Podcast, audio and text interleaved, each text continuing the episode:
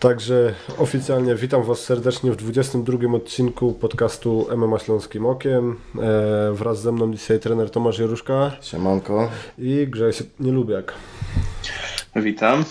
A Pierwszy wybór... raz na żywo na tak. Śląskim Oku. A wybór yy, nieprzypadkowy, ponieważ podsumujemy obie minione gale UFC, czyli UFC 251 i UFC Fight Island też z numerem pierwszym yy, na końcu. I Grześ, który miał przyjemność pracować przy obu galach i widział te pojedynki na żywo, jeszcze je opisywał, więc e, przebieg tych pojedynków zna doskonale. E, no, Tomek, czy to ty miał też... przyjemność, czy się męczył, to to jest pytanie, ale mm. będzie mógł zaraz sam o tym opowiedzieć. A oprócz tego spróbujemy odpowiedzieć na pytanie, czy sędziowie na UFC 251 ćpali klej, czy polscy sędziowie to najlepsi sędziowie na świecie. A ja korzystając z chwili okazji chciałem sobie pozwolić na małą prywatę i złożyć najlepsze życzenia urodzinowe naszemu trenerowi zapasów z klubu Matadores Katowice, Patrykowi Szałowskiemu, który dzisiaj ma urodziny. 100 lat Patryk, żyj długo, szczęśliwie, zdrowo, dużo pociechy z dzieciaka i dużo cierpliwości do nas i samych sukcesów To ja myślę, że my się do, dołączymy do, e, do życzeń e, dla Patryka, ale też wypada złożyć życzenia Pauli Klimek, która również dzisiaj ma urodziny, więc e, tak 100 lat dla Pauli. Także co, zaczynamy. Tydzień temu oprócz Gali KSW 53 miało miejsce e, równie e, hitowe wydarzenie. Mm, pierwsza gala w, e, na Fight Island UFC 251 z udziałem Marcina Tybury. I od tej walki chciałbym panowie zacząć. Marcin Tybura wygrywa swój pojedynek z Grishinem jednogłośną decyzją sędziów. No ale chyba zgodzicie się ze mną, że nie powalił występ Polaka na, na gali w Abu Dhabi. Grzesiu, jak ty ocenisz postawę Marcina w walce z Grishinem?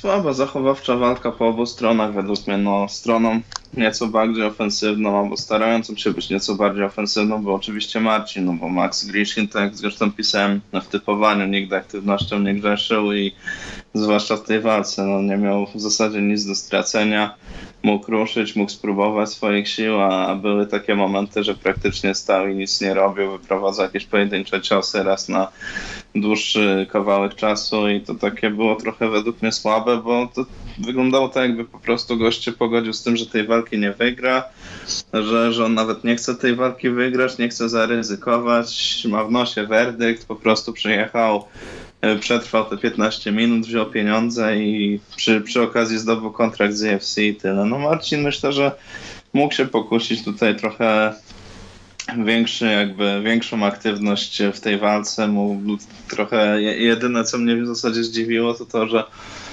nie, nie był w stanie sprowadzać e, przeciwnika, mimo że no, to, to jest jego taka trochę pięta Hillesowa, bo ma czasami, no, czasem mu się oczywiście udawało wręcz tych sprowadzeń, ale w, w przeszłości miał problemy i to z przeciwnikami, którzy walczyli w kategorii 93 kg, natomiast Marcin z kategorii ciężkiej, no to byłem pewny, że nie będzie miał żadnych problemów, żeby sprowadzić walkę do parteru, a tutaj no dość się zaskoczyłem, ale ogólnie trochę nie kupuję takiego tłumaczenia, że ta walka tak wyglądała, bo przeciwnik się zmienił na ostatnią chwilę. No tylko, że warto wziąć pod uwagę wszelkie okoliczności przeciwnika, które no, były inne też, bo, bo tak wziął walkę w zastępstwie, przyszedł z innej kategorii wagowej, w ogóle praktycznie e, nie trenował wtedy. Całe ten jeszcze zamieszanie z, tym, z tymi testami, z, z tą podróżą do Abu Dhabi, także myślę, że jednak mimo wszystko Marcin tutaj już od początku był na wygranej pozycji i taką walką myślę, że sobie fanów nie zaskarbił. Nawet widziałem, że już mu nadali w mediach ogólnie społecznościowych zagranicznych pseudonim, nie Tybura, tylko Tyboring. No i myślę, że może coś w tym być, bo naprawdę walka była przenudna i szczerze jakoś nie mam ochoty nie, na pewno nie będę czekał na kolejną walkę Marcina. Oczywiście lubię go i życzę mu jak najlepiej, ale takimi walkami no to jakoś tak nie, nie, nie zmusi kibiców do tego, żeby wstali w nocy i, i trzymali za niego kciuki na żywo, bo, no bo to nie ma sensu. Po prostu takim, takim stylem raczej się kibiców nie zdobywa, a się prędzej ich traci. No dokładnie. Ja obstawiałem, że właśnie ten przeciwnik wskoczył na szybko, ma problemy z obroną obaleń, dawał się często kłać w poprzednich walkach. E, w tych poprzednich walkach uciekał do stójki, oddając całkiem plecy. Ja byłem przekonany, że to Tybura skończy przed czasem duszeniem z zapleców. No nawet nie, nie, nie, był, miał tam taką okazję w trzeciej rundzie, jak się udało w końcu położyć, zdobył plecy, nie dał rady go skończyć. Także też fajnie, że wygrał, ale poza wygraną ta walka nic nie wniosła. Jeszcze przeciwnik na ostatnią chwilę z niższej kategorii wagowej. No, no będzie musiał coś zmienić Marcin. Mam nadzieję, że teraz te przeniesienie się do Ankosu spowoduje, że tak znowu złapie wiatr w żagle, złapie flow. Bazę parterową ma dobrą. Teraz niech sobie doszlifuje te zapasy i niech zacznie w tej wadze ciężkiej wdrażać taki skuteczny, zapaśniczy, ofensywny styl. To może coś jeszcze z tego będzie, ale tak jak się powiedziałeś, no, no na razie to wyglądało słabo. Tyle dobrego, że wygrał, ale ty boring. No nie słyszałem słyszałem tego, no mam nadzieję, że to się w następnych walkach odmieni, bo ja bym tam jeszcze chciał, żeby jakiś Polak w UFC coś powalczył w tej wadze ciężkiej, która ma te swoje problemy. Wyzwał, znaczy wyzwał, no chciałby walczyć teraz e, z Olejnikiem. Ja bym zobaczył tą walkę z Olejnikiem. To jest akurat tak teraz, żeby Tybura mógł sobie jakiegoś innego weterana takiego pokonać, taką legendę trochę. No i potem może w międzyczasie przygotuje formę na jakieś większe wyzwania. A ty Filip, kim byś widział Tyburę? No, rozmawialiśmy przed e, podcastem, że ja chętnie, jeżeli chodzi o nazwisko, to zobaczyłbym e, rewanż z Verdumem, ponieważ e, to w jakiej dyspozycji pokazał się Verdum w starciu mm, z Olejnikiem właśnie, to myślę, że jest do, do porobienia nawet w tym, co prezentuje Marcin Tybura. Natomiast pasuje mi starcie z Verdumem i starcie z Olejnikiem, ale też obawiam się, że może gdzieś zostanie rzucony y, na pożarcie Gregowi Hardemu. I tutaj, mimo tego, że Greg Hardy nie jest, wydaje mi się, na takim poziomie zawodniczym jak Marcin Tybura, to jednak tymi cepami rozpuszczonymi mógłby tą walkę wygrać. No na pewno będzie groźniejszy niż jego ten teraz rywal z wagi niżej. Podobny styl, tylko że dużo cięższy, silniejszy, mocniej bijący i lepiej broniący obaleń. To byłoby ciężko dla Marcina, dlatego mam nadzieję, że dostanie któregoś z tych dwóch weteranów na początek. Bo tutaj widzę chłopaków na czacie, którzy tu rozmawiają, też się tak za bardzo występ Marcina nie podobał. No wcale się nie dziwię. Cześć w ogóle panowie, widzę, że stała ekipa się już zbiera. Co no. do Marcina jeszcze też rozmawialiśmy o jego przygotowaniach, że dobrze by było, gdyby osiadł na stałe w Ankosie. Natomiast y, mi najbardziej Marcin Tybura imponował w momencie, kiedy był w Albuquerque w klubie Jackson Wing i, i tam ta jego forma właśnie w starciu z Verdumem bo mimo, że przegrał ten pojedynek, to zaprezentował się nieźle, a umówmy się, że Verdum wtedy przed tym zawieszeniem też prezentował dość mocną formę, także chciałbym, żeby Marcin osiadł już na stałe w jakimś klubie i żeby to nie było Alligators Fight Club y, z całym szacunkiem y, dla tego, dla tego teamu, natomiast y, nie wydaje mi się, żeby to był klub, który mógłby przygotować zawodnika UFC do, do walki o najwyższe cele. No ja widzę go w Ankosie, a ty Grzesio? Też tak myślę. No, no na Kankos to jest solidna firma i myślę, że tam spokojnie będzie w stanie się dobrze przygotowywać. Nie wiem, no tutaj chyba nie, nie odbył całego okresu przygotowawczego do, tej, do tego pojedynku. O ile się nie mylę, to tam kilka tygodni raptem chyba cztery, czy coś nie, takiego? w Ankosie to był tylko dwa tygodnie, z czego to A, dwa, realnie, no to realnie potrenował jeden. Także teraz to nie można liczyć jeszcze. To było takie po prostu zapoznawcze te treningi w Ankosie tylko, ale ja bym go widział w Ankosie raz, że tak powiedziałeś, solidna firma, według mnie w tym momencie najlepszy klub w Polsce, a dwa, że oni stylowo strasznie leżą, bo akurat mają arcy, dobre zapasy, mają ciężkich, a to właśnie Tyburze potrzeba. No z Tybury stójkowca się już nie zrobi w tym wieku, wiadomo, że tam musi pracować nad pojedynczymi, mocnymi ciosami, kopnięciami, ale przede wszystkim te ofensywne zapasy, żeby mógł wykorzystywać ten swój parter. To jest mu najbardziej potrzebne i idealnie z polskich klubów to wpisuje się Ankos z tymi genialnymi zapasami no, ja go tam widzę, jeżeli tam będzie ciężko trenował, to jeszcze może coś, oby jeszcze coś tam fajnego zwojuje. No to co panowie, pojedynek Marcina Tybury mamy już umówiony. Przejdźmy e, do karty wstępnej, bo Marcin Tybura zamknął kartę przedwstępną. I tutaj e, ja mam prywatny stosunek do tego pojedynku, bo Leonardo Santos i Roman Bogatow znaleźli się na moim kuponie z Fortuny. W zasadzie znalazł się Bogatow, którego wytypowałem jako zwycięzcę. I to była ostatnia walka. Wszystko, wszystko mi weszło. Za 13 zł było do wygrania 611 zł. I ten nieszczęsny Bogatow, który przegrywał dwie rundy, Natomiast trzecie, kiedy mógł wygrać, zapaliła mu się lampka w głowie. Nie no, pofauluję sobie trochę, niech mi odejmą te dwa punkty. Tak, co bym, aby na koniec walki nie, nie stanął y, z ręką w górze. Tak, ja to tak odebrałem. Natomiast jak wy widzieliście ten pojedynek, Tomek? Co tam się stało, co tam się odwaliło, masakra, bo ja też tak samo jak ty, znaczy ja postawiłem dwa osobne kupony, KSW na jednym to mi wlazło elegancko, UFC na drugim, no i to już mi nie wlazło elegancko, dwie walki mi nie weszły, między innymi ten Bogatow właśnie, którego wytypowałem jako zwycięzcę. No i co, zaskoczył mnie mega pozytywnie Brazylijczyk, chłopak już po 40, który na początku no świetnie walczył. Widać, że kondycyjnie zgasł w trzeciej rundzie, ale te pierwsze dwie rundy, zwłaszcza pierwszą, no genialnie, po prostu nie dał się rozwinąć Bogatowowi. Sądziłem, że Bogatow tą rosyjską szkołę zapasów e, coś tam pokaże wyniesioną z M1, a tutaj po prostu w pierwszych dwóch rundach on absolutnie nie istniał. Był tylko tłem dla Brazylijczyka, który sobie świetnie poczynał, a kiedy w trzeciej rundzie, już drugi zaczął słabnąć pomału Brazylijczyk, w trzeciej całkiem zgasł, Bogatow ruszył do huraganowego ataku. Przez chwilę to wyglądało mega dobrze, wyglądało, że jest bliski skończenia i kiedy i zamiast skończyć zaczął faulować i Tutaj jest ciekawa rzecz, to jak będą chłopaki e, z Rules Meeting nagrywali, to ja muszę się załapać na live, a zadać im to pytanie, bo ja pierwszy raz widziałem taką sytuację i nawet nie wiedziałem, że tak można, no już siedzę już trochę w MMA, a pierwszy raz naprawdę widziałem coś takiego, że sędzia odjął dwa punkty.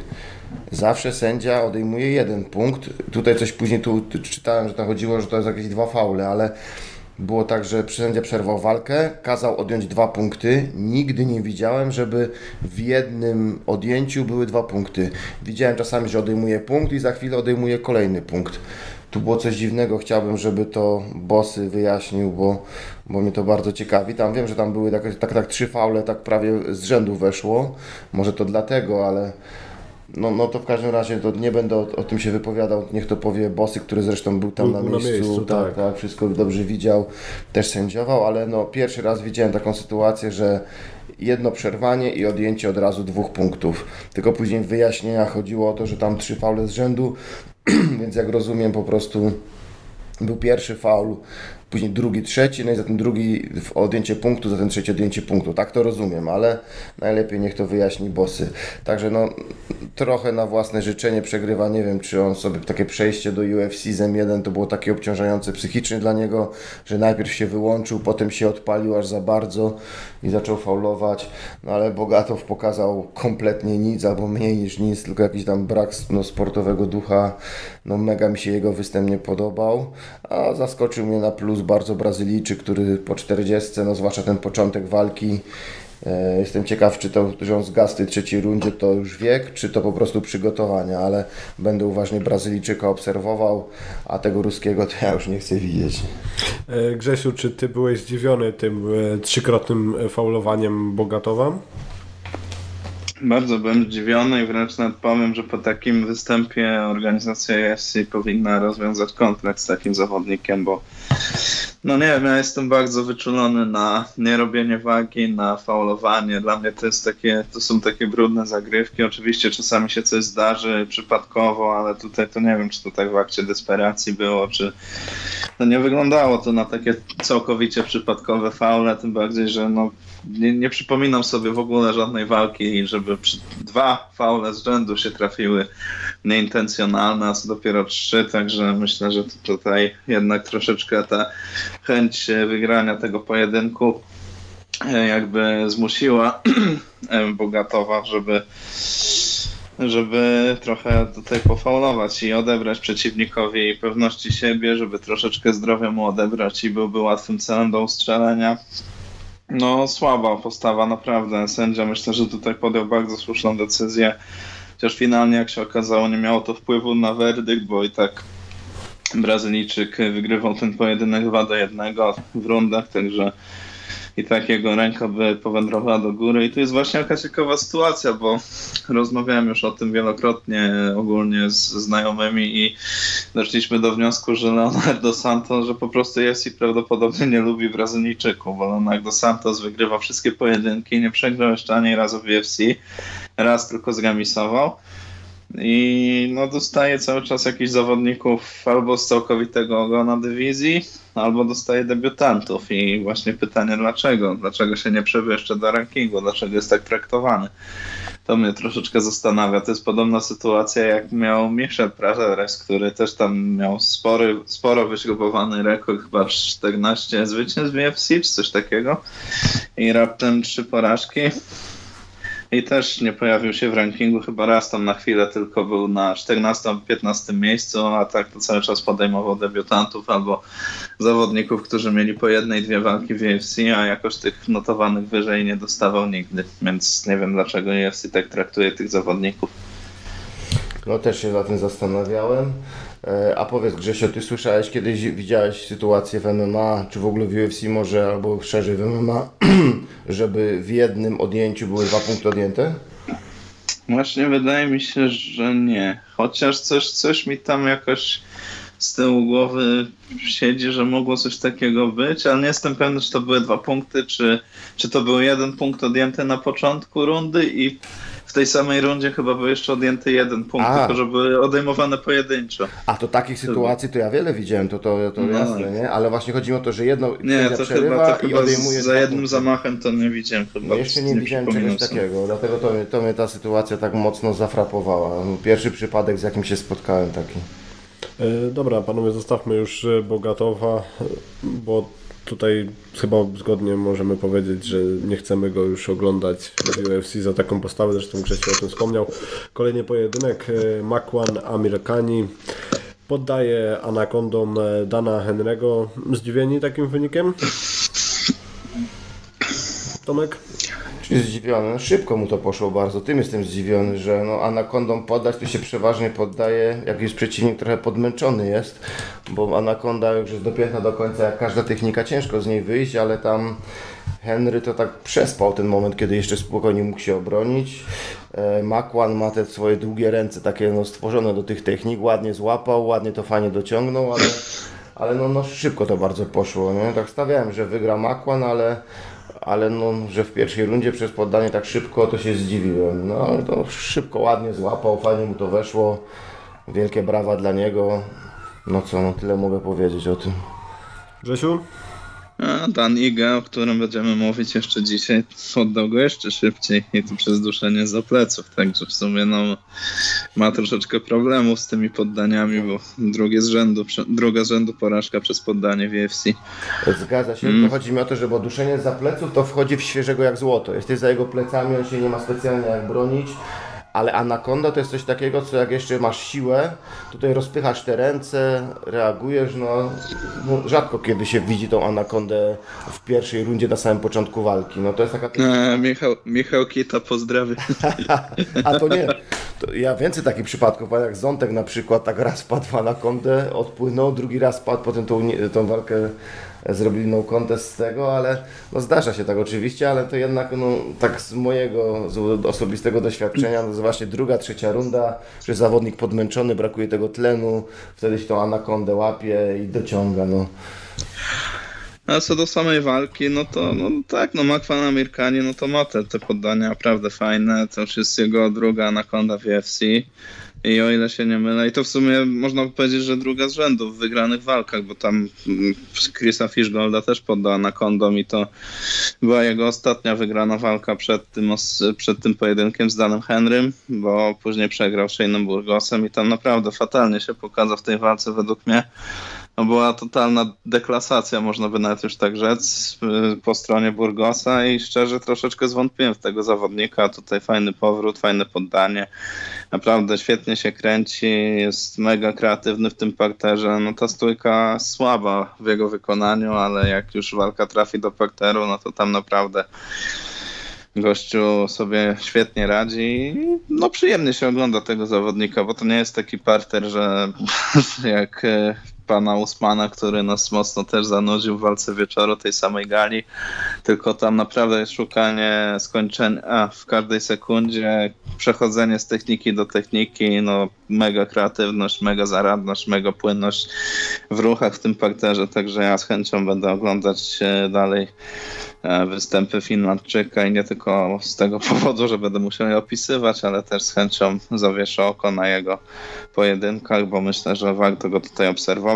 Może jakichś tam wielkich laurów nie osiągnie w tej kategorii, ale na pewno jeszcze kilka fajnych poddań będzie w stanie założyć w UFC, także byłem pod wrażeniem, bo, bo to tak w sumie niespodziewanie właśnie, to tak, e, no nie spodziewałem się, że tak w tym momencie nastąpi.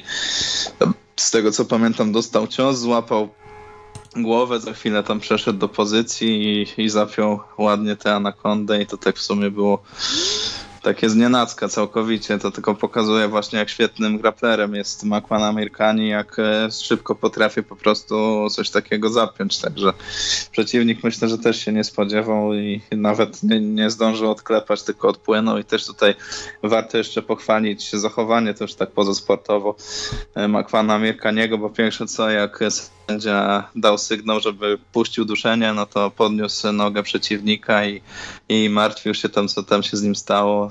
Cały czas patrzył i, i chciał, żeby po prostu jak najszybciej odzyskał przytomność, więc ładne sportowe zachowanie. Nie celebrował tego zwycięstwa, bo widział, że przeciwnik jest w takim stanie, więc nie wypadało w jego mniemaniu. Także bardzo ładne zachowanie, bardzo ładna postawa, fajna walka.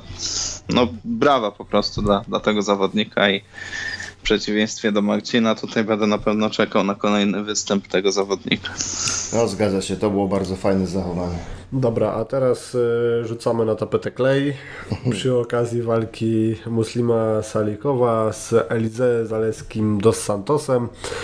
Y, Salikow wygrywa ten pojedynek niejednogłośną decyzją sędziów i tu uwaga, dwóch punktowało 29 do 28, natomiast trzeci sędzia zapunktował zupełnie odwrotnie, 30 do 27 dla dos Santosa. Wiem, że Tomek, Ty bardzo chciałeś y, przejść do kart punktowych tego pojedynku i powiedzieć na temat pracy sędziów podczas walki Zaleskiego do Santosa z Salikowem. No i tutaj trzeba powiedzieć, że jednym z sędziów punktujących tą walkę to był nasz Łukasz Bosacki, rewelacyjny sędzia, co w mojej opinii po raz kolejny wyszło w tej walce. No ja ewidentnie widziałem we wszystkich rundach, że tak o widzę, patrzę teraz na karty punktowe i Łukasz Bosacki w każdej rundzie dał 9 punktów dla Zaleskiego, czyli każdą rundę jednym punktem przegrał według niego Zaleski.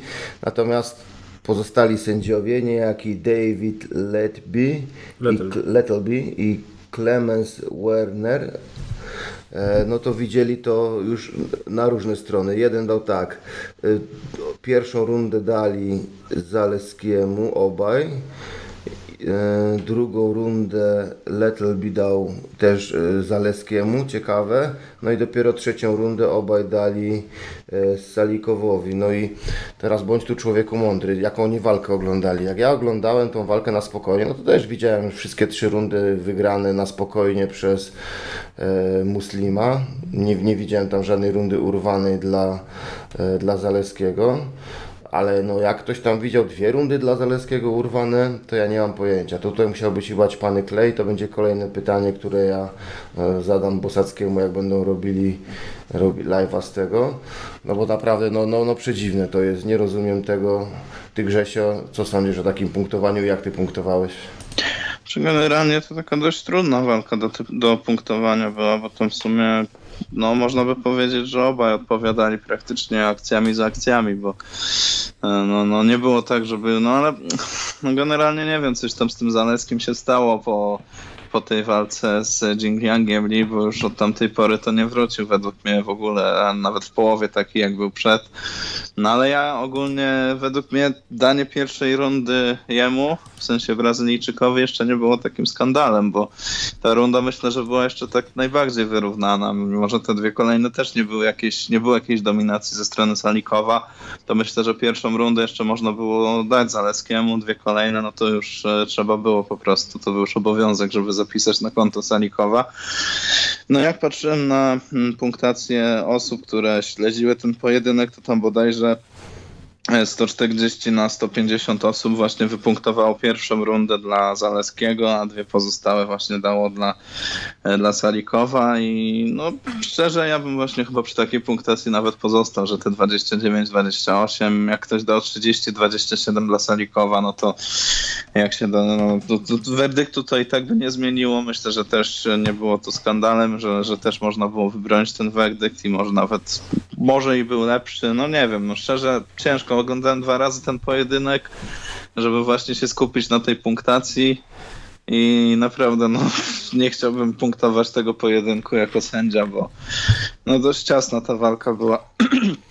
Ale no myślę, że tak 2-1 w mojej, w mojej opinii byłoby ok, natomiast mówię 3-0 dla Salikowa też było spoko i w sumie możemy chwileczkę się pochylić nad tym właśnie Zaleskim, bo, bo dużo osób go tak uważało, że właśnie to jest też taka ofiara e, tego, tej, tej polityki UFC, że tam dostawał te walki w sumie dość często, wygrywał i, i tam się pojawił pod koniec e, przed walką z Jingyangiem Lee na, w rankingu, żeby lepiej tę walkę sprzedać, żeby ewentualnie Chińczyk jak wygra w swoim kraju się wbił do rankingu i tak też się stało w zasadzie. No ale coś, coś tam chyba nie trybił tego zawodnika, bo jakoś tak strasznie zachowawczo ostatnio walczy. Mam wrażenie, że tych ciosów w powietrze wyprowadza więcej niż celnych ciosów przez e, wcześniejszą karierę w UFC, bo jakoś tak ten celownik mu strasznie opadł, w sensie no już, już nie jest taki celny jak był kiedyś, nie, nie inicjuje aż tyle akcji jakoś mam wrażenie, że spory spadek u tego zawodnika nadchodzi. No chyba tak. Ja właśnie dlatego wszystkie trzy rundy punktowałem dla Salikowa, bo nawet ta pierwsza, która była najbardziej runda, to też według mnie wyraźnie wygrał Muslim, bo to jednak jego tak, te ciosy były takie według mnie bardziej precyzyjne, robiące większe wrażenie. Owszem, tam było cios na cios, tam jeszcze powiedzmy nie ustępował pola, ale ja tak wyraźnie widziałem, znaczy nie miałem wątpliwości, pomimo że runda była równa, komu to przypisać i to rzeczywiście być może jest już jakiś zmierzch tego zawodnika z Brazylii. Możesz mieć rację, że, że coś tam się już zaczęło kończyć. Już może, nie wiem, ta szczęka nie jest taka, już nie chce przyjmować tak mocno ciosów, może już te nogi zaczynają, jak to się w boksie mówi, starość zaczyna się od nóg, chodzenie na nogach siada pierwsze, a przez to dystans się gubi. No, możesz mieć rację, że to już się zbliża koniec tego zawodnika i będzie spadał sobie teraz do coraz niższej ligi. Może tak być. Czyli Chińczyk mu zabrał duszę, jak to się popularnie no, mówi. No, no dokładnie, chyba, chyba tak było. No to nawet w tej walce był tak mocno miażdżony, pamiętam, ja w sumie nawet go typowałem wtedy z Jingliangiem Lee, a, a tutaj taka w sumie trochę niespodzianka była dla mnie, że wtedy przegrał i to w takim słabym stylu dość. No, zgadza się. Dobra panowie, zostawmy ten pojedynek, a przejdźmy do, e, jak ja to zawsze mówię, main eventu, karty wstępnej, jak to zwykle telewizja ESPN raczy, raczy nazywać. Jiří Prochaszka pokonał Volkana OS Demira przez knockout w drugiej rundzie. Ja pamiętam typowanie przed tą galą, które nagrywaliśmy wspólnie z Jackiem i wy obaj stawialiście na Volkana i ja byłem jednak za Prochaszką i tutaj... A nie, nie, przepraszam. Wszyscy byliśmy za Prochaszką, tak. tylko że my typowaliśmy ja... mimo rozumem od Zemira. Tak, ja mówiłem, że może ustrzelić i ustrzelił, natomiast ten pojedynek e, nie wyglądał najlepiej z jego strony. Grześ, ty oglądając i opisując tą walkę uśmiechałeś się trochę pod nosem? Czy łapałeś No, w zasadzie tutaj jedno i drugie w sumie. Jedno i drugie, no tak jakoś, no, nie wiem, no ja, ja wiedziałem, że generalnie taki styl ma Jiri Prochaszka i, i w ten sposób pewnie będzie ten pojedynek prowadził, ale no tam dwie takie akcje były. Jedna, jak został takiego chyba prawego sierpa od Wolkana i, i po siatce tak ucieka, Wolkan go gonił z tymi uderzeniami, myślałem, że tam już może być koniec, i druga akcja była, jak tam go pod siatką Özdemir złapał też, nie wiem, tam chyba wtedy lewym, e, Prochaszka przykucnął i, i też myślałem, że, że już może ten pojedynek wtedy się zakończyć, no ale przetrwał. Natomiast no, z takim stylem, no to ja mu dużej kariery w UFC nie wróżę, bo mimo, że umiejętności ma, to jednak troszeczkę bardziej, troszeczkę mniej pajacowania, a, a więcej skupiania się na walce powinno z jego strony być. Oczywiście na pewno fajnie się to ogląda, jak ktoś lubi takich, że tak powiem, szaleńców w oktagonie, tak typu Michel Pereira, czy właśnie Jiri Prochaszka, ale jak dla mnie, no to no przede wszystkim powinien się skupić na tym, żeby jednak e, te walki no, toczyć bardziej jakby dominująco od początku, a nie żeby się tak dawać po prostu łapać na każdy praktycznie cios. No, fajny balans pokazał w pewnym momencie, ale później miałem wrażenie, że już to tak nie działało za bardzo, że, że Volkan go rozczytał dobrze i według mnie no, pierwszą rundę zdecydowanie wygrał Zdemir mimo wszystko, no a w drugiej no ładnie, ładnie go tam złapał pod siatką. W zasadzie to to wysokie kopnięcie, które doszło do głowy, to już tak wyraźnie zachwiało Szwajcarem, tureckim Szwajcarem w zasadzie.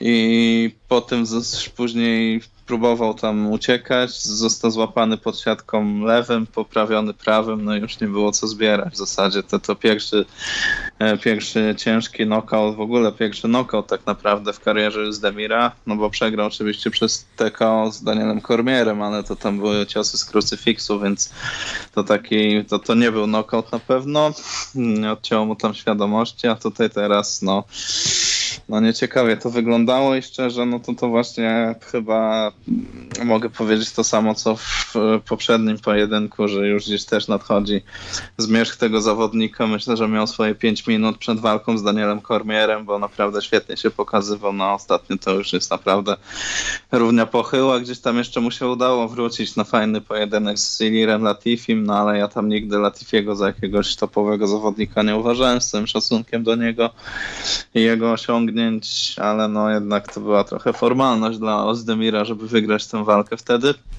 I no w sumie co więcej, no to, to z Reyesem dał dobrą walkę, ale, ale ostatnie dwa pojedynki z Rakiciem według mnie to tam był ostry wałek, no i teraz teraz ten knockout. No ja myślę, że, że, że tam była szansa, żeby, żeby wygrał w pierwszej rundzie. Nie wiem, może coś tam, czegoś tam nie wykorzystał. Jak się zastanawiałem właśnie, gdybym był w jego skórze, co bym więcej mógł zrobić, żeby tego prochaczkę w pierwszej rundzie usadzić tak całkowicie i w sumie nie wiem. A ja wiem. Powiedz, podziel się z nami. No właśnie. No, wystarczyło mniej pajacować, bo on strasznie pajacował. No pokazywał te miny, robił i jak trafiał, cofał się, przyjmował na głowę, pokazywał jakieś dziwne rzeczy, opuszczał ręce. No chciał zrobić wrażenie, chciał się wkupić w publiczność na pewno, chciał pokazać, pokazakować, no i to mu się udało, no ale zapłacił za to przyjęciem masy ciosów na łeb. Wygrał według mnie warunkami fizycznymi, gdyby, bo miał lepsze warunki od Volkana. Był widać, miał dłuższy zasięg, był wyraźnie większy, e, cięższy.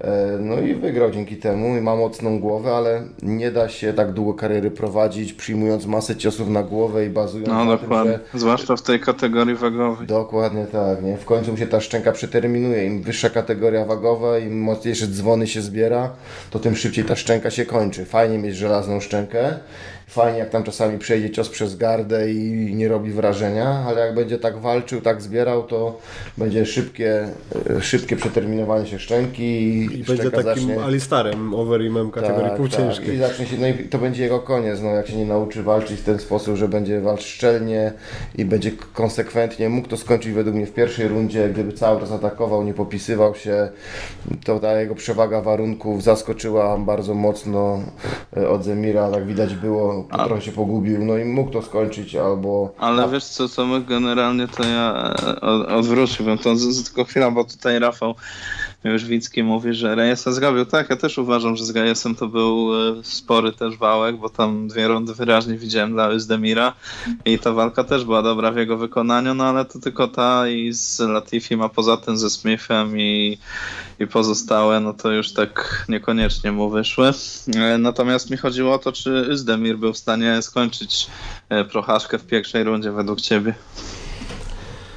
Czy Ozdemir był skończyć Chyba nie, no gdyby, znaczy w, w, tej dyspozycji, bo teraz widać było, on też troszeczkę się dał, tak zdziwił się, dał się w tą grę wciągnąć e, Prochaszki.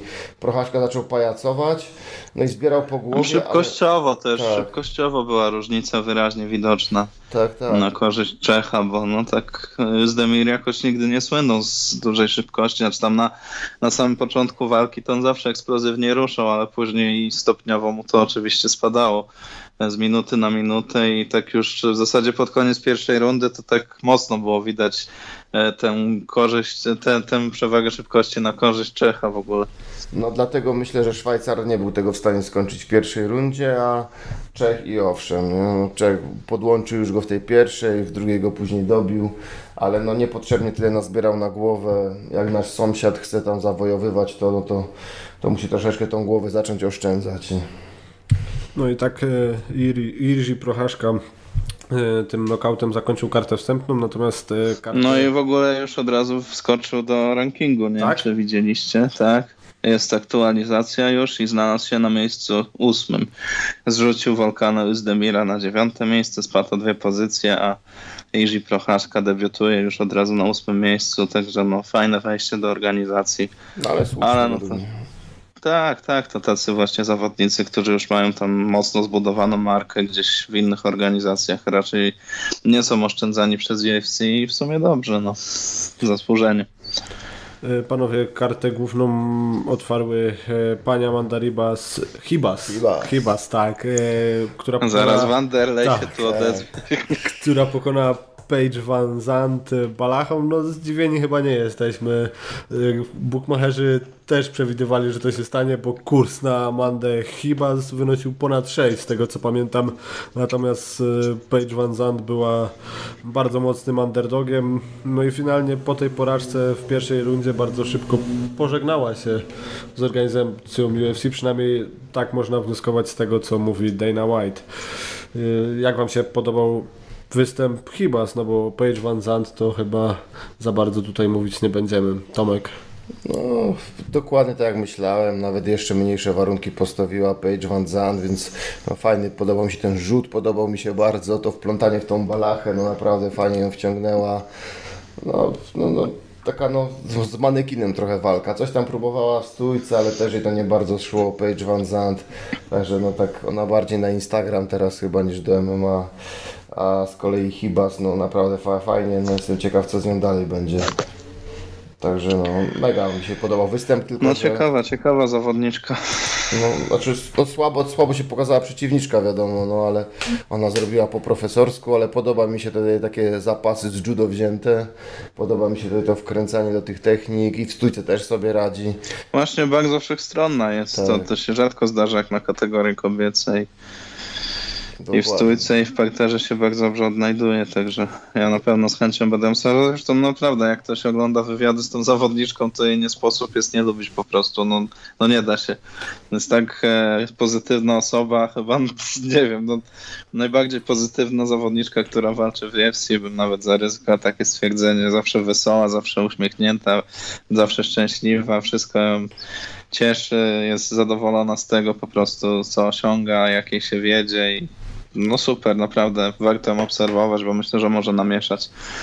A tutaj, no tak jak, tak jak powiedziałeś, to zgodzę się z tobą, że taka walka z manekinem trochę była, to nawet myślę, że sparingi zdecydowanie cięższe miała Amanda Hibas, jak się przygotowywała do tej walki, bo no, no tutaj Page nie postawiła w ogóle żadnych warunków i no szybko to odklepała. Miałem wrażenie, że jeszcze może z tego wyjść, bo tam przez chwilę dość no jeszcze próbowała walczyć, ale tam ona w ogóle chyba kontuzję miała w tej, w tej ręce kiedyś i dlatego to myślę, że mogła troszeczkę wcześniej odklepać, żeby e, ewentualnie nie było żadnego nawrotu tego urazu. No ale to tak w sumie to już jest trzecie w ostatnich czterech porażkach poddanie na Page, także ja myślę, że w ogóle to wiadomo, no popularność robi swoje w tym wypadku, ale mimo wszystko, no nie wiem, czy chciałbym ją dłużej oglądać w UFC. W sumie to tak nie wiadomo, czy do końca Dana miał na myśli to, że ona się rozstaje z UFC, bo powiedział, że z tego co pamiętam na konferencji, że ona powinna sprawdzić ile jest warta na wolnym rynku, że jak ją, że ewentualnie ile jest poza UFC warta, czy ktoś jej zaproponuje lepsze warunki, no może jakieś Invicty czy Bellatora, no myślę, Wydaje że się skuszą się, że, takie organizacje na nim. Że ze względu na męża wybierze Bellator i tam, tam no mi się właśnie, wydaje, że tam, tak tam będziemy widzieli Page Van Zandt w następnych walkach. Nie sądzę, że zobaczymy ją w UFC. No, jeszcze przed tą walką przecież ona potrafiła się wykłócać o pieniądze, natomiast e, sportowo no, nie ma argumentów na podwyżkę. Więc no nic, zostawmy ten pojedynek już e, to już za nami. Natomiast e, ciekawym pojedynkiem było starcie Rose na Majuna z Jessica Mandrasz. Rose zrewanżowała się za, za tego slama z ich poprzedniej walki, wygrywa niejednogłośną decyzją sędziów. E, I tutaj o to chciałbym Was na samym początku zapytać, czy zgadzacie się z tą punktacją, że, że mogło to iść w drugą stronę na konto Brazyliki, czy jednak e, zdecydowanie ten pojedynek wygrała Rose? Tomek. No, tak jak powiedziałeś, to w tej ciekawa walka i bardzo ciekawa praca sędziów. E, włącz karty punktowe. Pewnie. No, ja stawiałem przed tą walką na Rosna Majunas. Ty obstawiałeś Rose, czy... u mnie to było zależne od formy psychicznej Ros, bo jeżeli Ros wyjdzie z czystą głową, to Ale wiem, że wygra ten pojedynek. Nie pamiętam. Aha. Nie pamiętam. Ja byłem przekonany, że wygra Rose i dla mnie ona wygrała bezdyskusyjnie. Tutaj no ćpanie kleju, jeżeli ktoś widział zwycięstwo jej przeciwniczki.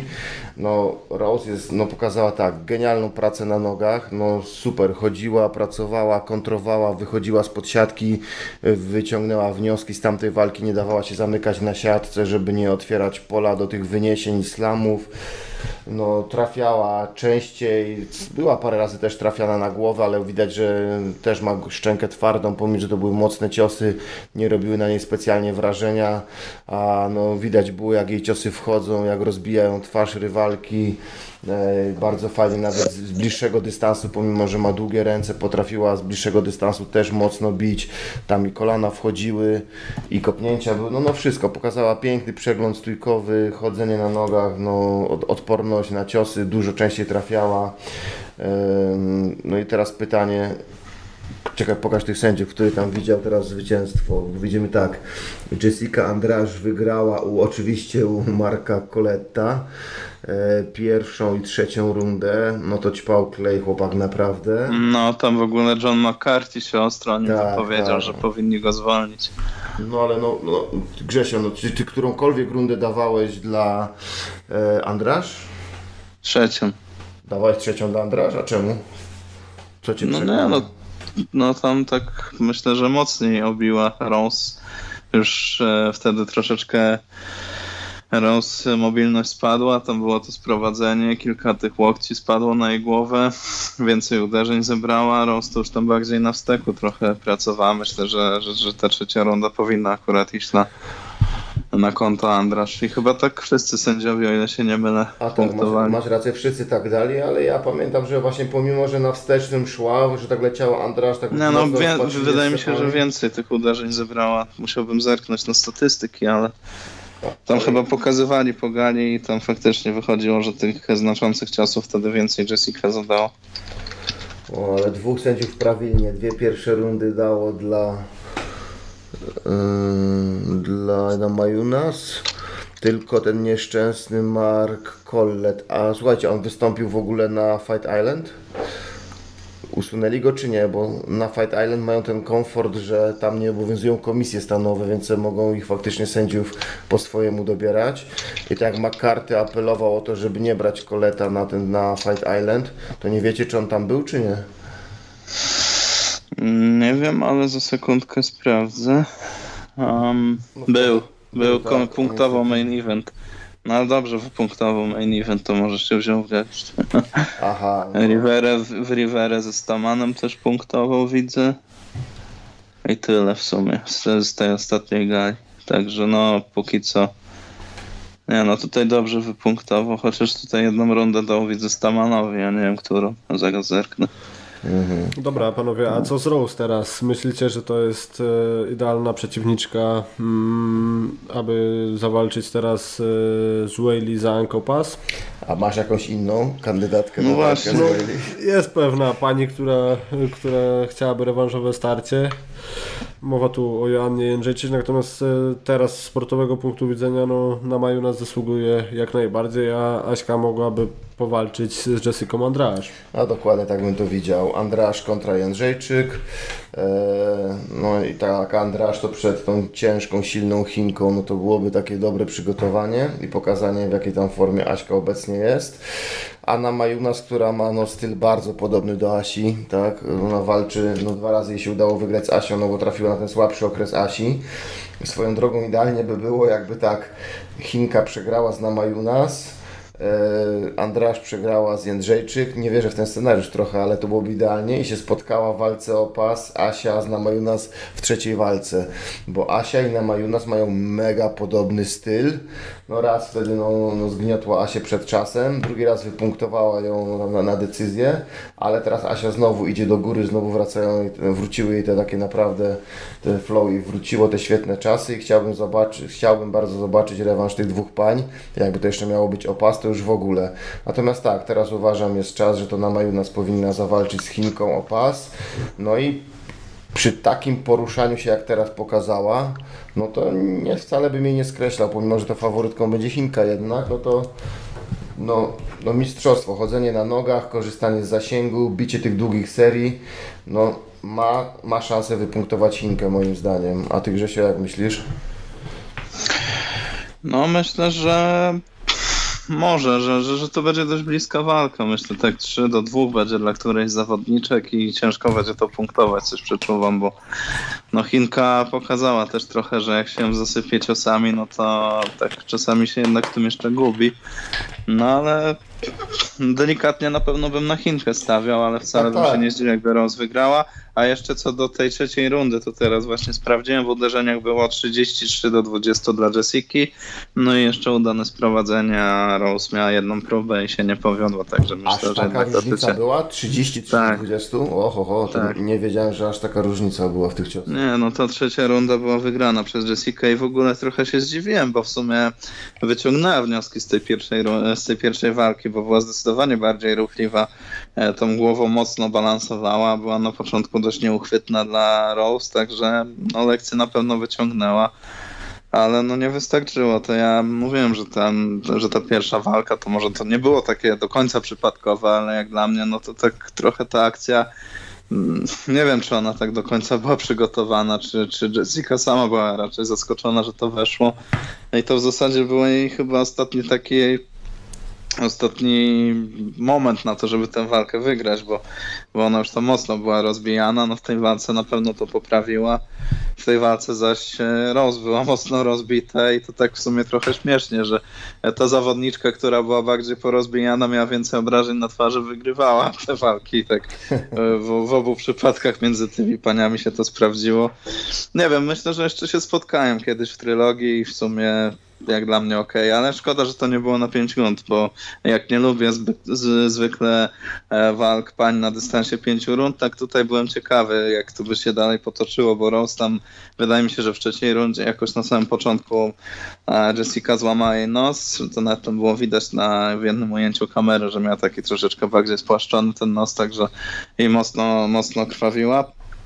Więc myślę, że to się mogło przełożyć na, na jej dyspozycję w kolejnych rundach. No ale były trzy rundy, zasłużenie wygrała na Majonas, udanie się zrewanżowała. No i okej, okay, no w ogóle Rose jest niepokonana w rewanżach, to też tak warto tutaj zauważyć, także 3-0 ma w rewanżach. Też, też wiele walk nie ma, a tych rewanży miałem sporo. Ciekawostka, a to tak. No jest Grzesiu, jest i ciekawostka. Tak, jest Grzesiu, jest ciekawostka. Właśnie. Ale no, w każdym razie, bardzo podsumowując tylko tą walkę, mega mi się podobało znowu ten styl dochodzenie, uderzanie, korzystanie z zasięgu. Tak, to jest w ogóle świetne, świetne. Wychodzenie z siatki, no to jeszcze robi jeszcze lepiej niż Asia. Asia jest tym świetna, to ona, ale ona po prostu jak ona wychodzi, zagoniona na siatkę i nagle z ciosem zmienia kierunek i ucieka w jedną stronę, jeszcze z unikiem, no pomimo, że była wyższa od przeciwniczki, potrafiła pod ręką podejść, no mistrzostwo, no. A to bardziej komicznie wyglądało w pierwszej ich walce, tak. jak e, Jessica leciała z cepami, Rose zrobiła unik i nagle Jessica lądowała na siatce, a Rose już tak. była na środku oktagonu, nie? I to tak aż naprawdę to komicznie wyglądało w tej pierwszej no. walce. No tutaj nie było aż takich sytuacji, Jessica, jak mówię, poprawiła się lekko, ale, ale nie wystarczyło to, żeby ale ponownie też nie, nie udało jej się ani razu praktycznie zamknąć jej na siatce do jakiegoś takiego właśnie stłamszenia, wyniesienia i obalenia.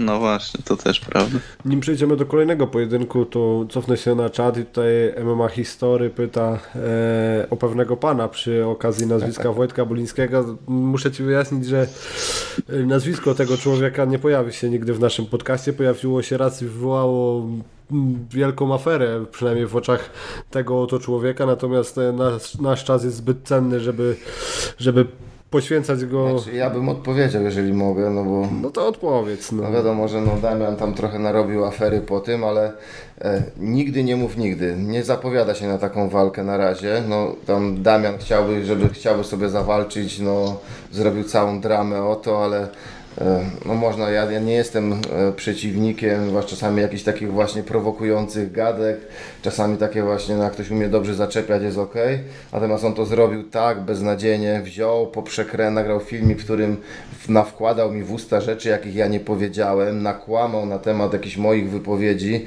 no mówił w ogóle, naobrażał jakiś, za, twierdził, że ja obraziłem jakiegoś zawodnika, no, no nic takiego nie powiedziałem, on wszystko przekręcił, nie wiem, czy on ćpał klej, czy, czy o co chodziło, czy no, naprawdę nakłamał bezczelnie, także niech weźmie, niech przeprosi, jak przeprosi i zacznie gadać normalnie, sportowo, jakieś będzie chciał jakieś tam trasztoki robić, to ok, ale no bez takiego ordynarnego kłamania. Niech przeprosi, niech wyjaśni, no to wtedy będziemy mogli jak ludzie gadać, a jak będzie chciał lecieć w ten sposób, to, to niech spada na bambus. Dobra, to tyle e, względem tego człowieka, natomiast kolejny pojedynek rozpoczął e, te trzy walki o pas. Petrian pokonuje Jose Aldo przez TKO w piątej rundzie. No, ja typowałem, że Petrian zwycięży ten pojedynek. E, natomiast trochę szkoda Jose Aldo, że przegrywa ten sposób. Ja przyznam szczerze, że nie oglądałem tej walki, więc ciekaw jestem Waszej opinii na temat dyspozycji Jose Aldo no i, i tego zwycięstwa Petriano. Grzesiu? No, w sumie mimo wszystko nie było to nie było to aż takie tragiczne. Nie był to taki tragiczny występ Jose Aldo, mimo że jestem jego naprawdę dużym fanem, no to no smutno mi się to oglądało, jak w tej piątej rundzie zebrał chyba tam ze 130 tych ciosów tam zdecydowanie sędzia powinien to wcześniej przerwać. Nie wiem na co on tutaj czekał. Jak Hosaldo się znajdował przez chyba 3,5 minuty w żółwiu i tylko zbierał te uderzenia, krwawił obficie, bo tam jakieś rozcięcie jeden, jeden z ciosów spowodował no nie wiem, naprawdę, to, to, to, już była sytuacja bez wyjścia, już nie miał prądu od jakiejś tam no, końcówki trzeciej, ewentualnie początku czwartej rundy, więc tak naprawdę myślę, że ta walka z dwie minuty wcześniej mogłaby być przerwana i by nikt nie miał pretensji. Ale no tak, no urwał na pewno drugą rundę mm, Petrowi Janowi i tak w sumie no już w tej rundzie myślałem, że no zaczyna coś tam się dziać, bo tymi low kickami zmusił tam Rosjanina do zmiany pozycji, dość ładnie te, te ciosy, zresztą no Hosaldo z tego słynie, że ładnie te kombinacje składa z ciosów na tułów, później na głowę zaatakuje i przeciwnik w sumie sam nie wiedział w pewnym momencie co ma bronić, ale to jest standard w jego walkach i i tak się myślę, w tej, ta, ta pierwsza runda była mocno zachowawcza, no ale jednak e, to nieudane sprowadzenie Jose Aldo i te kilka młotów, które wylądowały na jego głowie e, w związku z tym nieudanym sprowadzeniem i kontrą ze strony Jana, no to przeważyło, że ta runda poszła na korzyść Rosjanina zdecydowanie. Drugą punktowałem dla Aldo, trzecia była bliska, ale znowu była troszeczkę bliźniacza sytuacja z tej pierwszej pod koniec i, i też tam Aldo ciężko w sumie e, skończył ten pojedynek, w sensie te, to starcie trzecie.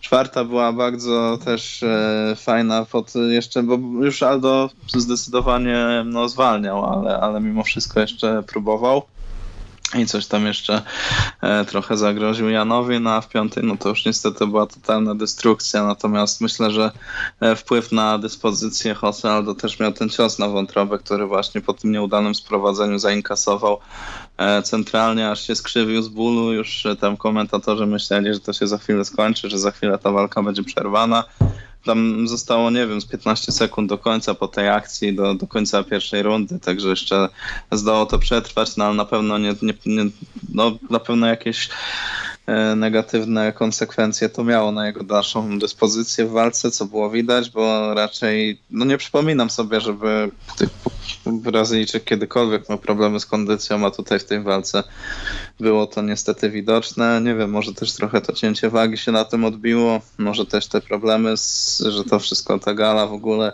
w takim dziwnym miejscu, te podróże i tak dalej, więc no ciężko powiedzieć. Ale według mnie jednak mimo wszystko, no może troszeczkę nieobiektywny będę w tym, co teraz powiem, ale ja jak to oglądałem do tej piątej rundy, to według mnie nie było wcale tak źle. E, dużo osób spisywało tutaj Jose Aldo na pożarcie, że w pierwszej rundzie dostanie ciężki knockout, że, e, że zostanie zjedzony, a myślę, że do tej piątej rundy to wcale zjedzony nie był. Oczywiście piąta, no niestety, ale całkowicie się nie ułożyła po jego myśli. No, ale myślę, że powodu do wstydu nie ma. No w końcu to była walka mistrzowska po nowej kategorii wagowej. Szkoda, że to jest trzecia porażka z rzędu, bo według mnie powinna to być e, pierwsza, no bo z tym Marlonem Moraeszem według mnie e, Hosaldo zwyciężył walkę. No ale no, myślę, że to już jednak mimo wszystko ostatnia walka mistrzowska w jego karierze. Szkoda, że nie udało się tego pasa zdobyć, bo myślę, że to by było fajne ukoronowanie jego e, naprawdę bogatej kariery i, i tego legacy, które osiągnął, które zdobył. I, no ale trudno. Myślę, że powodu do wstydu nie ma, powtórzę i, i jak oglądałem to, to nie czułem żadnego zażenowania, że co ten gość robi w ogóle w walce o pas i naprawdę pokazał kawał charakteru, nie poddawał się, robił co mógł, żeby zwyciężyć tę walkę. Nie powiodło się, trudno. Będę teraz na pewno ciekawy dalszych zestawień w tej kategorii. Ciekawe, co tam teraz dla Jana wyszykują. Według mnie powinien to być Aljamain Sterling, ale coś Dana nie bardzo chyba chce mu dać walkę o pas. Myślę, że może to ewentualnie być Marlon Moraes, który no, w jakimś tam stopniu na pewno zasłużył na ten pojedynek i myślę, że ma dwa argumenty, które za tym przemawiałem. Pierwsze, jeśli to miał być Amal Jane Sterling, no to pokonał go tam e, strasznie ciężko go nokautując kolanem e, w nieco ponad minutę. No i pokonał teoretycznie, no ale jednak pokonał Josaldo, który walczył teraz o pas, więc myślę, że Marlon Moraes jak e, dostanie pojedynek o, o tytuł, to też będzie ciekawa walka, tym bardziej, że panowie też mieli się zmierzyć w main evencie na gali bodajże w Kazachstanie. No i finalnie jednak ten pojedynek wypadł. Jan dostał walkę o pas, więc no takie chyba naturalne zestawienie i nawet myślę, że ciekawsze niż walka Jana ze Sterlingiem w mojej opinii. Tomek, zanim oddam Ci głos, to tutaj e, Krzysztof Kraszewski pyta o wyniki losowania. Tak, Mariusz e, wyniki losowania wrzucił pod naszym podsumowaniem e, KSW 53, MMA Tonight podsumowanie KSW 53. Tam w przypiętym komentarzu są wylosowane trzy osoby, które wygrały konkurs na obstawienie całej gali i, i zwycięzcy mają odezwać się na maila. Tomek, Twoje spostrzeżenie na ten pojedynek? Najpierw powiem, bo tu grusz i gru pisze, no i co Wam mówiłem, uśmiecha się. Mówiłem stawiać do mnie na Petera, zobaczcie mój komentarz pod filmem z typowaniami. Zgadza się, widziałem ten komentarz grusi, mówiłeś, jeżeli ktoś Cię posłuchał i postawił dom na Petera, to zarobił sobie na dobry remont kuchni w tym domu na pewno, albo na jakieś nowe meble. Natomiast ja stawiałem na Aldo i tak jak mówi Grzesio dokładnie, też nie byłem wcale zażenowany tym występem. Było tak, pierwsza runda była ewidentnie dla Jana, faktycznie on tak sobie ustawiał, Aldo miał taki problem wejść w tą walkę. Ale Aldo zazwyczaj pierwszą tak, rundę wykorzystuje, on... żeby sobie czytać przeciwnika. Tak, przechodzi, poczyta, pokontruje, a potem nagle wchodzi i druga runda to było wejść, wielkie wejście starego Aldo. Przecież te kopnięcia, po których no, ostatnio nie widzieliśmy u Aldo tych low kicków, a teraz przypomniał sobie, że on potrafi drzewo zrąbać low kickiem. No i widać było, zrąbał kilka razy Jana, Jan padał po tych low kickach, wycięło go raz, musiała zmieniać pozycję, ta noga była mocno obita. Także druga runda to był po wielkim stylu powrót Aldo, na pewno wygrana przez niego i trochę tam zdrowia Petrian stracił. Trzecia runda, no to znowu, znowu była wygrana Jana, chociaż i tutaj Aldo miał te swoje ciosy na tułów, które widać robiły wrażenie bite te kombinacje.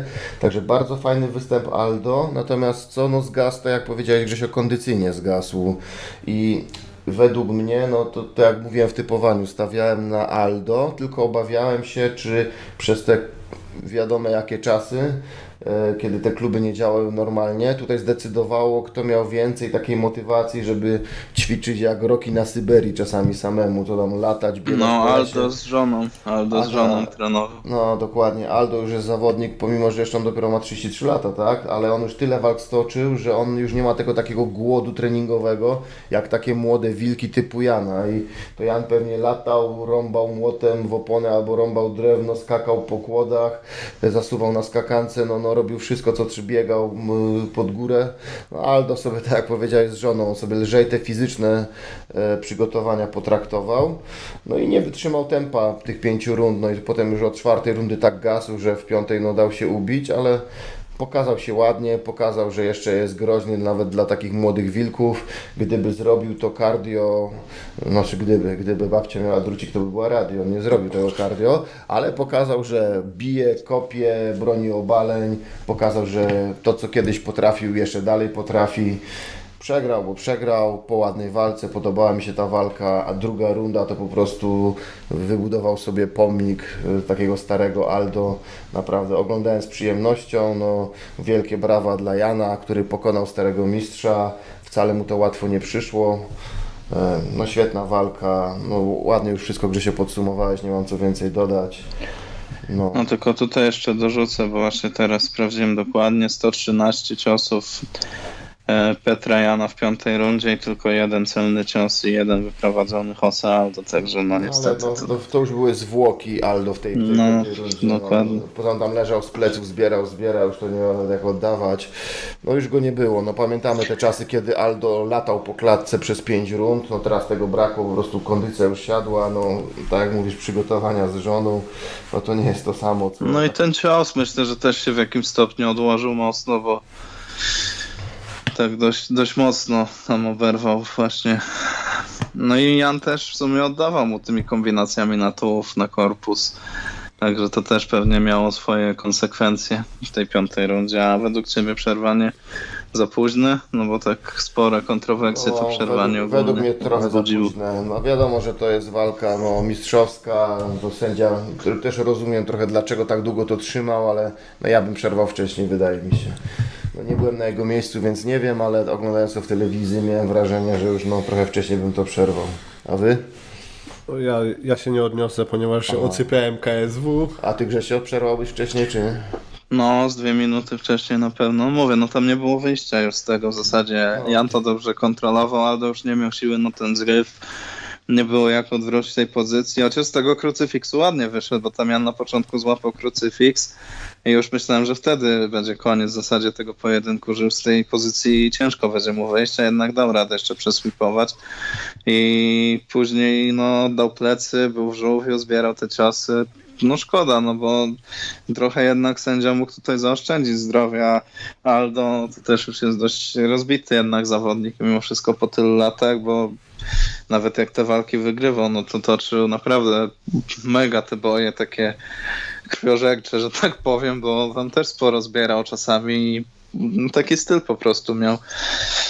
No i to się teraz odkłada, no niestety całe życie się nie da tak walczyć i później nie mieć konsekwencji tego. No zgadza się, no tyle w temacie.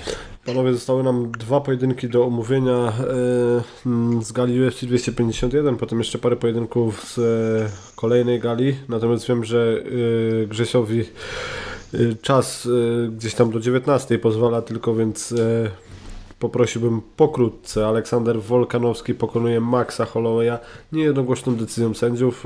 Rewanżowe starcie, ponownie Wolkanowski górą. Czy ta niejednogłośna decyzja sędziów w Waszych oczach jest słuszna, czy ponownie był ćpany klej. Tomek.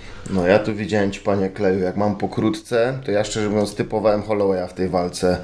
No widać było, no to było ich rewanżowe starcie. Stawiałem, że Holloway to przegra, no i przegrał, ale akurat ja typowałem, że wygrał. E, według mnie no, w porównaniu do tej pierwszej walki no, złapał lepszy, właśnie lepszy, większy luz, miał lepszy celownik. No, według mnie tam więcej tych takich znaczących uderzeń było po stronie Hollowaya. Tutaj te szarże czasami mniejszego zawodnika no, tak się kończyły niefajnie dla niego. E, te, te zneutralizował jego zapasy. No, no taka wiadomo dosyć równa walka, ale ja miałem wrażenie, że wygrał to Holloway nieznacznie, no a tutaj sędziowie mieli inne wrażenie i teraz zobaczmy jak tutaj, kto tu na Wolkanowskiego dawał. Sędziowali to znowu Mark Cole, tak, nie, nie, nie, wszystkie rundy, czekaj, 9-9, dwie pierwsze rundy dla Hollowaya dał, a potem. No to dwie pierwsze rundy myślę, że nie budziły wątpliwości tak. u nikogo. U wszystkich były tak. I teraz, ale później jak to, to robili? Później było 10, 10. E, David Lettleby dał ostatnią rundę też dla Hollowaya. W związku z tym dał Hollowayowi zwycięstwo i ja bym tak samo, tak jak on, tak jak wcześniej krytykowałem go, to tutaj akurat bym dał tak samo jak on. Natomiast dwaj pozostali sędziowie, no to dali wszystkie trzy rundy, trzecią, czwartą i piątą dla Wolkanowskiego. Ty Grzesiu, jak typowałeś? No to dwie pierwsze bez wątpienia poszły na Hollowaya, tam były knockdowny, aktywniejszy był, zdecydowanie wcześniej złapał rytm w tej walce niż Wolkanowski. Kwestia trzeciej rundy tak naprawdę, bo myślę, że piąta na pewno była na Wolkanowskiego. Czwarta runda, no myślę, że też mogła iść na jego konto i chyba bym też tak dawał. I ta trzecia runda była też taka trochę dyskusyjna w sumie, szczerze. Hmm, ciężko powiedzieć, ale jak oglądam tę walkę, no to, to tak, to według mnie Holloway wygrał pojedynek.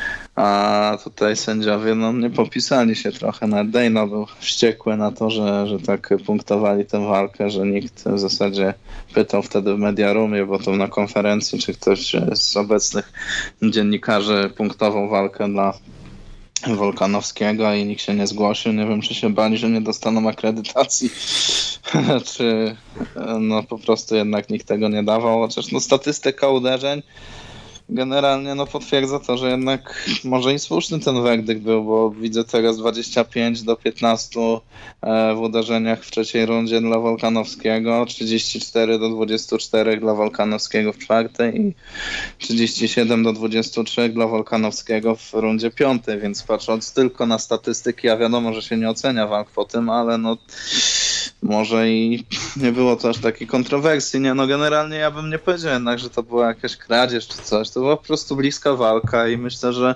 zarówno jakby to poszło na konto Hollowaya, jak i na, jak poszło na Wolkanowskiego, no to jakiegoś mega dużego skandalu nie ma. No ale ja też dawałem na Holloway, jak oglądam tę walkę, później jeszcze obejrzałem ją drugi raz i, i, troszeczkę już więcej wątpliwości miałem, może przez to, że znałem werdykt, ale bo ciężko sobie jednak jakoś tak to oglądać, jak już się wie, kto wygrał, to tak. trochę inaczej jest. Natomiast e, tutaj też e, taka trochę sytuacja dziwna, bo e, UFC wrzuciło wywiad z Wolkanowskim po mm, ten, który był przeprowadzony zaraz po walce i ma on 2000 łapek w górę i 5000 łapek w dół. Tak, no widać, że ewidentnie ten werdykt nie leży ludziom, ale myślę, że tutaj trochę niektórzy przesadzają, bo e, dlaczego tutaj ludzie się pastwią na biednym Wolkanowskim, który w zasadzie nic, e, nic do tego nie ma, że, że sędziowie dali jemu zwycięstwo w tej walce. Myślę, że gdyby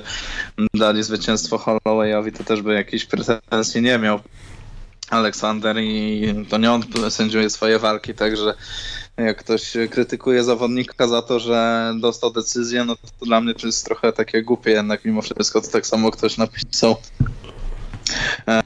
u nas komentarz pod postem z walki Dana Ige z Calvinem Katarem, że no odkąd e, Ige okradł Barbozę, no to ja już nie mam ochoty go oglądać, no ale to nie jest jego wina, że sędziowie mu przyznali e, decyzję w tym pojedynku. On wyszedł, zrobił to, co mógł, żeby wygrać. Gdyby przegrał, no to by przegrał i tyle.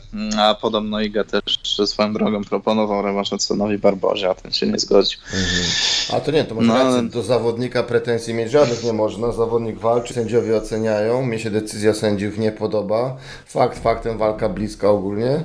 No, ja widziałem wygraną Hollowaya, no większość ludzi chyba też widziała, ale do Wolkanowskiego ja żadnych pretensji nie mam, no bo co, no, to nie on, on tylko walczył, nie on sędziował. Tak? No dokładnie. A wracając do pojedynku, no Holloway wyciągnął wnioski, myślę, z pierwszego starcia. Już zdecydowanie lepiej wygląda ta obrona przed low kickami, która nigdy u niego dobrze nie wyglądała.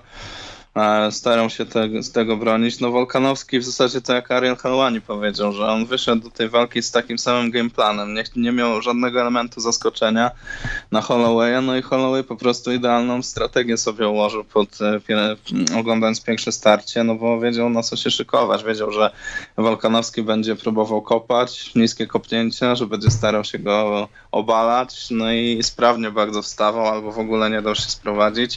W tej piątej rundzie myślę, że to obalenie też sporo zrobiło, bo tam chyba 5 sekund przed końcem zdołał sprowadzić. Jeszcze był w dominującej pozycji, chyba trzy łokcie spuścił na jego głowę, a to była dość ciasna runda też, więc no myślę, że tutaj też to mogło w jakimś stopniu wpłynąć ewentualnie na ten werdykt. Natomiast no w ogóle jakoś od starcia rewanżowego z Dustinem Poirierem mam wrażenie, że Max też poczynił spory regres. Po tej świetnej walce myślę, że to była jego walka życia z Brianem Ortegą, gdzie po prostu zniszczył totalnie pretendenta, który notabene do dzisiaj nie wrócił jeszcze e, po tamtej deklasacji. Mm, no i od tamtej pory to już chyba troszeczkę równie pochyła jednak. Nawet ta walka z Frankiem Edgarem, która była wygrana przez Maxa, no to też jakoś mnie nie porwała ogólnie. Mm, Chan Sung Kyung pokazał, jak się powinno walczyć z Edgarem, a Holloway się z nim męczył przez te 25 minut i w sumie też tam tych akcji jak na lekarstwo było Holloway zawsze był taki, szedł właśnie na tę bitkę, na te wymiany, ma twardą szczękę i, i, nie wiem, czy po tej walce z Dustinem Poirierem gdzieś tam doszło do niego, że nie może też tak walczyć cały czas i trzeba troszeczkę bardziej kalkulować ale myślę właśnie, że to był jego styl i dzięki temu wygrywał te walki, bo w kalkulowaniu no nie jest za dobry, jakoś nie umie tych ciosów wyważać. Myślę, że tak jakoś ten nowy styl Hollowaya bardziej mu szkodzi niż pomaga paradoksalnie, mimo że pewnie jego zdrowie bardziej chroni i być może to jest ważniejsze niż e, wygrywanie walk, znaczy na pewno jest ważniejsze, ale no coś, coś tutaj trzeba zmienić ewidentnie, bo jakoś to nie idzie tak jak powinno moim zdaniem i tak dziwnie mi się to ogląda, bo, bo zawsze pamiętam Maxa z tych właśnie takich wymian, z tych, z tych zasypywania przeciwników ciosami, a tutaj takie pojedyncze ciosy czasami rzuci jakieś kopnięcie, jakaś kombinacja raz na jakiś czas i w zasadzie strasznie mało aktywny jest w tych pojedynkach ostatnio. No to prawda, jest mało aktywny. Zastanawiam się, na ile to właśnie przez jakiś jego strach przed tymi pięcioma rundami. Może teraz mu kondycyjnie, może jest nie to samo co kiedyś.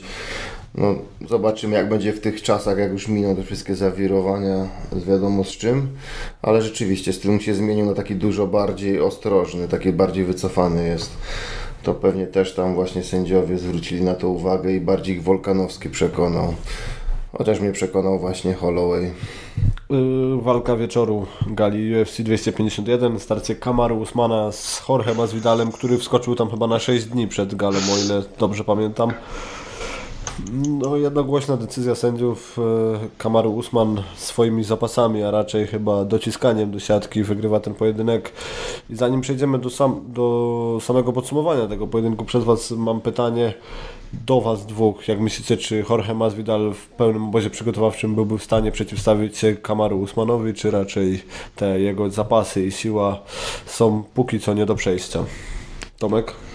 No, ja myślę, że gdyby był przygotowany normalnie, obaj się przygotowali, znaczy, czy byłby się w stanie przeciwstawić? Inaczej, byłby w stanie ustrzelić Usmana. Może by to wyszło, miałby szansę. Może by wyszło, gdyby nie wyszło, to by został zdominowany, bo w sensie na podwórku zapaśniczym to nie, to nie ma szans z Usmanem. Natomiast czy może ustrzelić będąc w formie? Owszem, może ustrzelić będąc w formie. Teraz to cud, że on w ogóle wagę zrobił, jak się dowiedział na 6 dni przed tą walką. Ja byłem przekonany, że może być problem z wagą w ogóle. Wiedziałem, że on tą walkę przegra. Wiedziałem, że to będzie, myślałem, że może przed czasem przegrać. Wiedziałem, że będzie raczej nudne widowisko, bo taki Masvidal bez tego przygotowania, przynajmniej tego szybkościowego, nie ma szans ustrzelić Usmana. No i nie miał szans. No, Usman go zdominował w mega nudnej walce. No, chciałbym zobaczyć ich walkę, gdyby był Masvidal przygotowany, przy czym nie uważam, że no, co by nie robił, zapaśniczo z Usmanem nie wygra. Natomiast gdyby miał to, ten luz, szybkość, poruszanie się, timing przygotowany dobrze, no to miałby gameplan pod niego przygotowany, posparowałby z chłopakami tak y, podobnie walczącymi do Usmana, to miałby sporą szansę, że go ustrzeli i wygra przed czasem. Mm, no teraz nie miał tych szansy, widać było jest za wolny, ten jego celownik no, no, no, no, nie działał w ogóle, wolno się ruszał, Usmian nie miał problemu z ustawianiem sobie Masvidala żadnego, no i wyszło to brak przygotowań do tej walki przez Usmana, no wziął walkę, bo wziął, szacunek dla niego, ale no, nie pokazał nic, no bo nie jego wina, nie miał szans nic pokazać. Dobrze, że zrobił wagę. W 6 dni zrobić wagę to jest naprawdę wyczyn. Zanim Tobie oddam Grzesiu głos, to jeszcze warto też wspomnieć, że Masvidal w drodze do do Abu Dhabi, wrzucał gdzieś tam zdjęcie z Rzymu, że zatrzymał się na pizzę. Sądzę, że to raczej było po prostu e, na potrzeby social mediów, bo tak. nie sądzę, że, żeby jadł pizzę, bo tak jak mówisz, zrobić wagę w ciągu 6 dni to jest potężne wyzwanie, natomiast e, dosyć śmiesznie to wyglądało, że robi sobie przerwę na pizzę w Rzymie, a potem na ważeniu wchodzi jak gdyby nigdy nic i wypełnia limit wagowy. Grzesiu, twoje spostrzeżenie na temat e, zwycięstwa Kamaru Usmana nad Jorge Masvidalem. O Boże, ale się wynudziłem na tej walce. No to witaj. Ja tutaj mam za... Słucham? Witaj w klubie. ten klub bardzo liczny jest.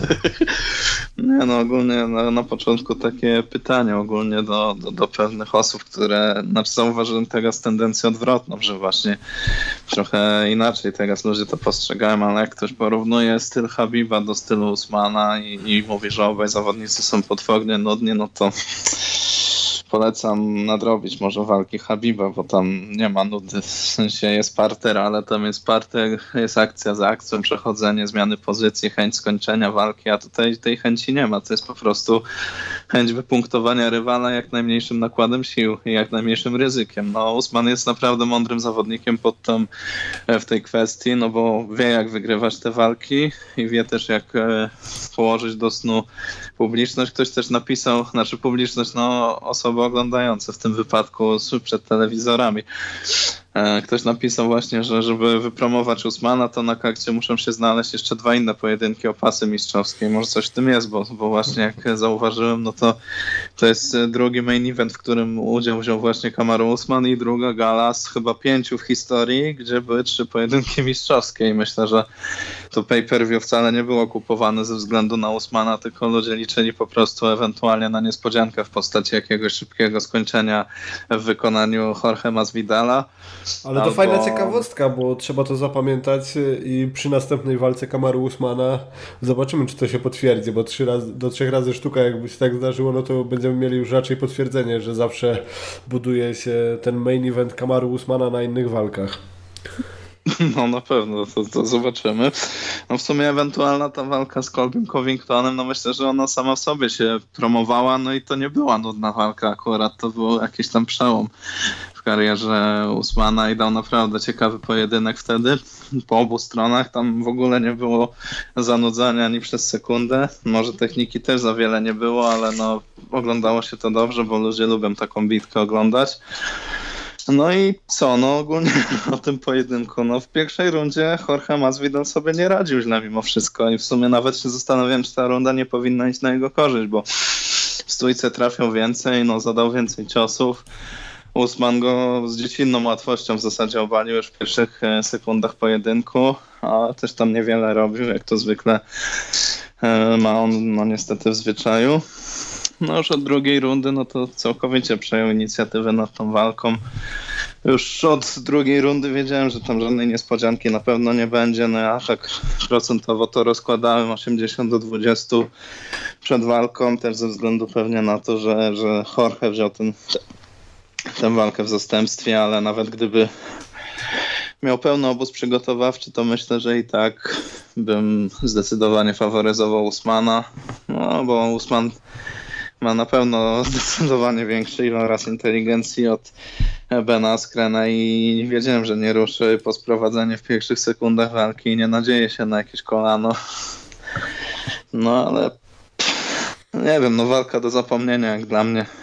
Mam nadzieję, że Gilbert Burns postawi cięższe warunki Usmanowi i zmusi go do trochę większej aktywności, bo to takie te e, stąpy na, na śródstopie i to dociskanie do siatki w klinczu, ciosy barkiem, no to tak naprawdę nie, ogląda się to bardzo ciężko, zwłaszcza jak e, gala trwa już praktycznie nie wiem, to, to wtedy chyba 8 godzin ta gala trwała, ile się nie mylę. Tak, to się gdzieś koło 8 chyba skończyło, albo 7.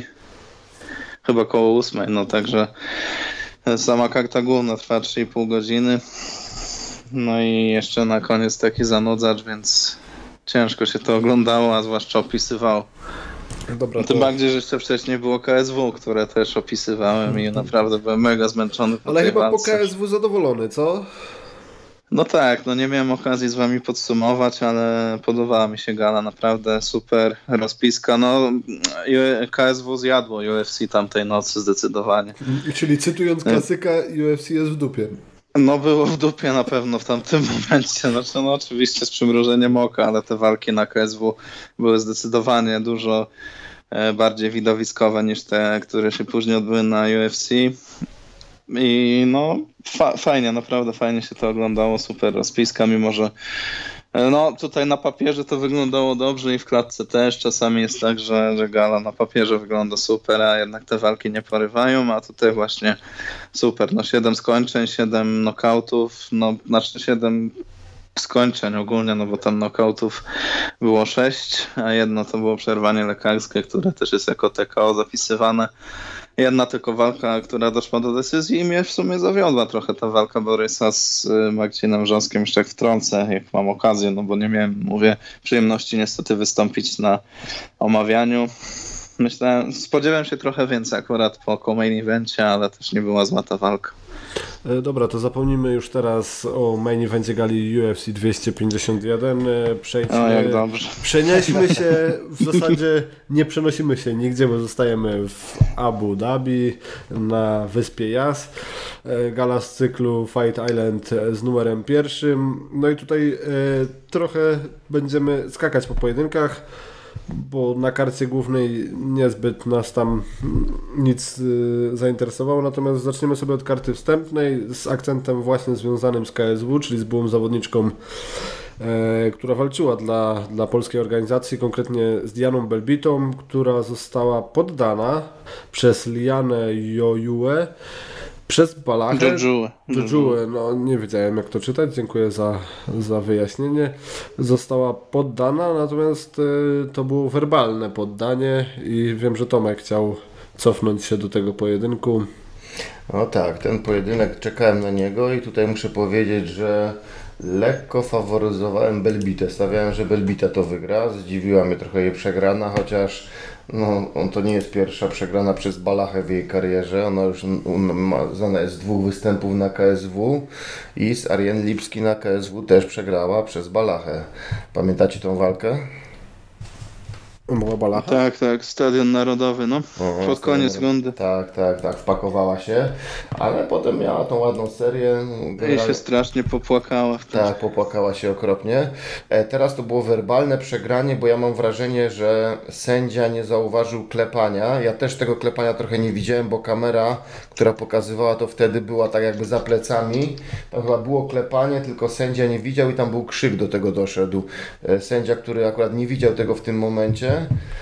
tak troszeczkę źle się ustawił. Wydawało mi się, że tam chyba było klepanie, ale nie widziałem później z innej kamery, tego nie było pokazanego. E, I co charakterystycznego, no, e, ta Jojua, ona się wywodzi z kickboxingu, czyli miała teoretycznie przewagę mieć w stójce. Balbita z kolei zaczęła bardzo ładną kombinacją bokserską, trafiła kombinacją bokserską, zagoniła Jojuę pod siatkę, sklinczowała. Okazało się, że miała trochę problemów z obaleniem, pomimo, że udało jej się wsadzić dwie ręce pod pachy, dwie ręce yy, na tułowiu zapięła, czyli miała no, wyśmienitą pozycję do obalenia. Okazało się, że coś to obalenie jej nie idzie. W końcu finalnie udało jej się podciąć, obalić, znalazło się w gardzie. I co ona z tej gardy zrobiła, to po prostu no, szkolne błędy. Zostawiła te ręce na barkach e, Jojuły, chociaż pomimo, że Jojua podchodziła sobie, to nie było tak, że nagle się skręciła znikąd do tej balachy, tylko podeszła sobie najpierw nogami wysoko na barki Balbity, potem się lekko skręciła, ustawiła się do tej balachy, widać było, że ta balacha idzie, wrzuciła sobie bardzo ładnie tą nogę, zaczęła wyciągać i Belbita jeszcze w tym momencie zaczęła uciekać do góry, no, kiedy już miała zapiętą balachę na łokciu, czyli sama zaczęła przeprostowywać sobie rękę, zamiast iść mocno do dołu, żeby zginać tą rękę, żeby utrudnić rywalce, ona, no ja domyślam się tylko, że ona chciała wyszarpnąć łokieć poza spojenie łonowe Jojuły, żeby nie dało się tego przeprostować tej ręki. Domyślam się, że o to jej chodziło, ale to jest arcybłąd taki szkolny. W tym momencie, kiedy już to jest ciasno zapięte, trzeba iść do dołu, wysunąć lekko łokieć i dopiero wtedy wyrywać się do góry. Także no to arcybłąd, za który zapłaciła właśnie, no chyba, mam nadzieję, że nie, ale chyba kontuzją ręki. Jeszcze właśnie to, to tak się skręciła Jojua wyciągając to, że sędzia nie widział tego momentu klepania i dopiero krzyk Balbity no, zmusił go do przerwania pojedynku i obawiam się, że tam będzie jakiś przeprost. No, broniła się tam jeszcze właśnie chwilę. Dziewczyny mają to, że one mają większą ruchomość w stawach niż faceci. Facet by to na pewno, facetowi to szybciej ta balacha weszła.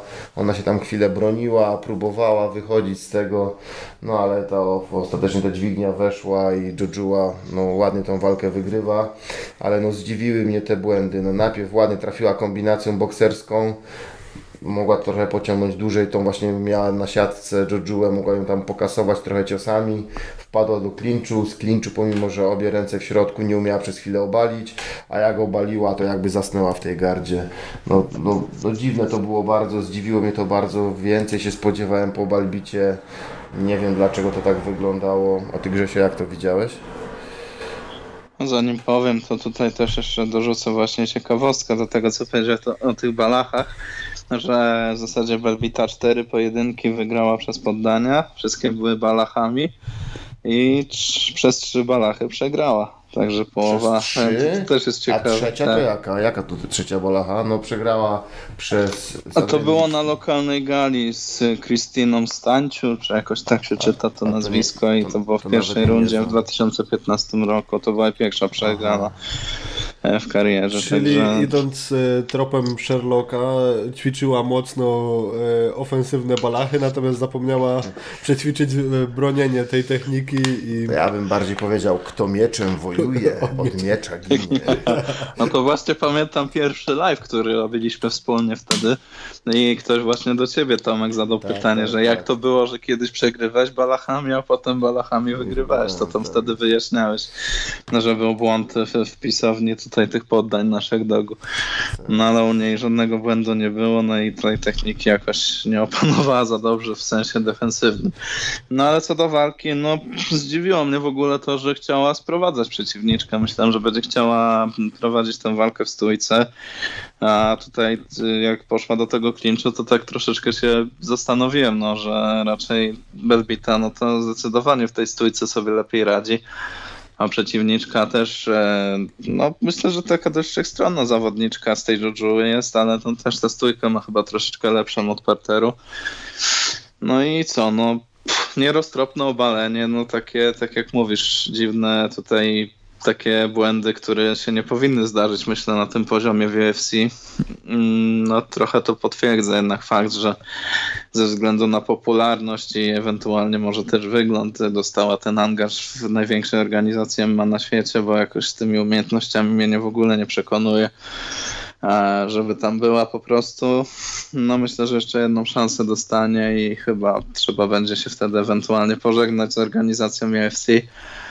No bo no, nie widzę jakoś tutaj możliwości, żeby zwojowała tę kategorię wagową, mimo że jest uboga, no to ewidentnie Diana Belbita odstaje od przeciwniczek umiejętnościami, mimo że z Molly McCann w pierwszej rundzie się nie pokazała wcale źle i nawet myślałem, że wygrała tę rundę wtedy, ale finalnie się okazało, że nie. No ale przegrała walkę, tam chyba punkty też odjęte były z tego co pamiętam w, tym, w tamtym pojedynku. Nie wiem, no, no myślę, że to tak jest z tymi kategoriami kobiecymi, że, że, że nie zawsze umiejętności sportowe idą za, e, za tymi angażami w UFC, no ale takie, takie życie, że tak powiem i zweryfikowana została dość mocno w tym UFC, no ale myślę, że każdy się tego spodziewał. Jak e, pamiętam, e, gruchnął ten news o tym, że podpisała kontrakt z UFC, to tam wszyscy pisali, że no, że to tak że będzie ostra weryfikacja i że nie poradzi sobie, jak ona z debiutantkami miała problemy na lokalnych galach, no to co dopiero w UFC. gdzie ten poziom jest naprawdę spory pod względem umiejętności, a też wtedy Arian Lipski już była po bodajże po dwóch nawet przegranych, które pokonała. No i też e, dało to do myślenia fanom, że no skoro Lipski, która ją pokonała, przegrywa, no to Berbita raczej też sobie za dobrze nie poradzi, chociaż wiadomo, że to tak nie zawsze działa. No. Kolejny pojedynek y, warty uwagi to y, Modestas Bukauskas, znany z pojedynku na Cage Warriors z Marcinem Wójcikiem. Pokonuje Andreasa Michalidisa przez TKO w pierwszej rundzie. Grzesiu, Twoje spostrzeżenie na temat pojedynku Bukauskasa z Michalidisem. No ja mówię, ten, temu przeciwnikowi, temu e, zawodnikowi, no to naprawdę los sprzyja mocno, bo no ma szczęście do tych e, pojedynków. Nie dość, że tutaj w zasadzie takim tak dziwnie trochę można powiedzieć wygrał, i tutaj trochę według mnie dyskusyjne było to przerwanie, chociaż no, mam takie mieszane odczucie co do tego. Według mnie tę walkę przegrywał, na początku, znaczy tę rundę przegrał. Jeśli by nie została ta walka przerwana, zaraz po gongu kończącym w zasadzie e, pierwsze starcie, to myślę, że chyba nawet dwóch sędziów właśnie dawało tę rundę na, na przeciwnika Litwina.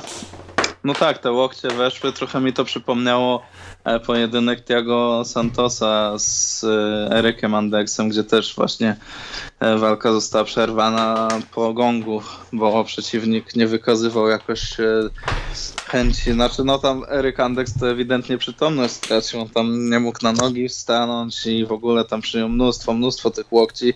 W zasadzie chyba nawet z takiej samej pozycji, chcąc obalić Santosa, inkasował te łokcie.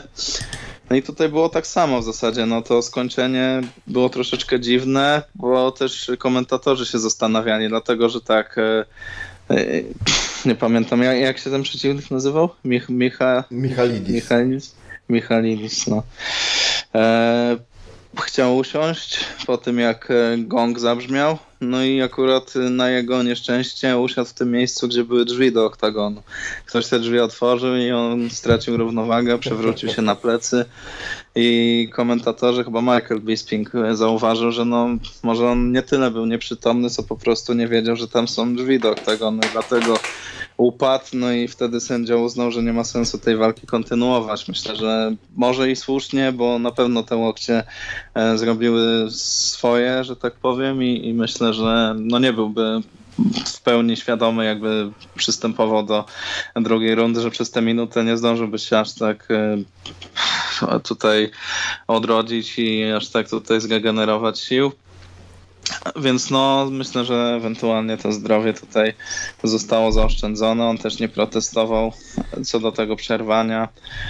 Ale no temu Bukauskasowi mimo wszystko nie wróżę jakiejś przyszłości dużej w UFC, bo no ma chłop takie jakieś szczęście do tych walk, że przegrywa, a nagle mu się udaje odwrócić losy pojedynku, bo z tego co właśnie pamiętam, to te dwie walki z Marcinem Wójcikiem i z Martinem Hamletem, no to tam mocno przegrywał, a udało mu się znokautować rywali. No to też jest umiejętność i też jest godna podziwu oczywiście, że przegrywa się pojedynek, a jest w stanie się wrócić do niego i, i odwrócić jego losy, więc ja tam tego wcale nie nie piętnuje, ale wydaje mi się, że w UFC będzie miał bardzo ciężko, żeby w tym właśnie stylu wygrywać pojedynki. No okej, okay, no jest wygrana, dostał też bonus za skończenie, chociaż według mnie to była bzdura, że dostał bonus akurat za coś takiego. Kilka tych łokci ewidentnie było nielegalnych, według mnie doszło do potylicy. Komentatorzy mówili, że to były wszystkie legalne ciosy.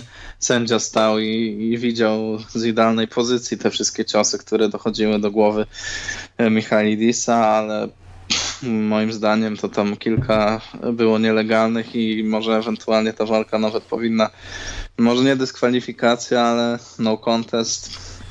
Nie wiem, no, no jest jak jest. Y, zwyciężył walkę, zwyciężył debiut. Zobaczymy, co tam z nim dalej będzie. Może się mylę i będzie zamiatał w tym UFC, chociaż nie sądzę. I kiedyś będę musiał po prostu odwołać to, co mówiłem. Ale zobaczymy. Trzeba Generalnie, no tak. Że szczęście to też jest jeden z elementów sportu. No, jedni mają te, tego szczęścia No tak, to zdecydowanie. No tak, to na pewno. A ja bym powiedział, że to nie było szczęście, bo tak, walka była ta pierwsza runda bardzo fajna z obu stron, dwóch zawodników się fajnie pokazało. No ty tam mówisz, Grzesio, widziałeś przewagę Michalidisa, tak? Mm, tak, tak, no wydawało mi się, że trochę jednak bardziej celny był i tych akcji więcej wyprowadzą. Myślę, że no, no Litwy miały ewidentnie problemy na początku, żeby się w ten pojedynek e, wgryźć, żeby się odnaleźć w tej walce.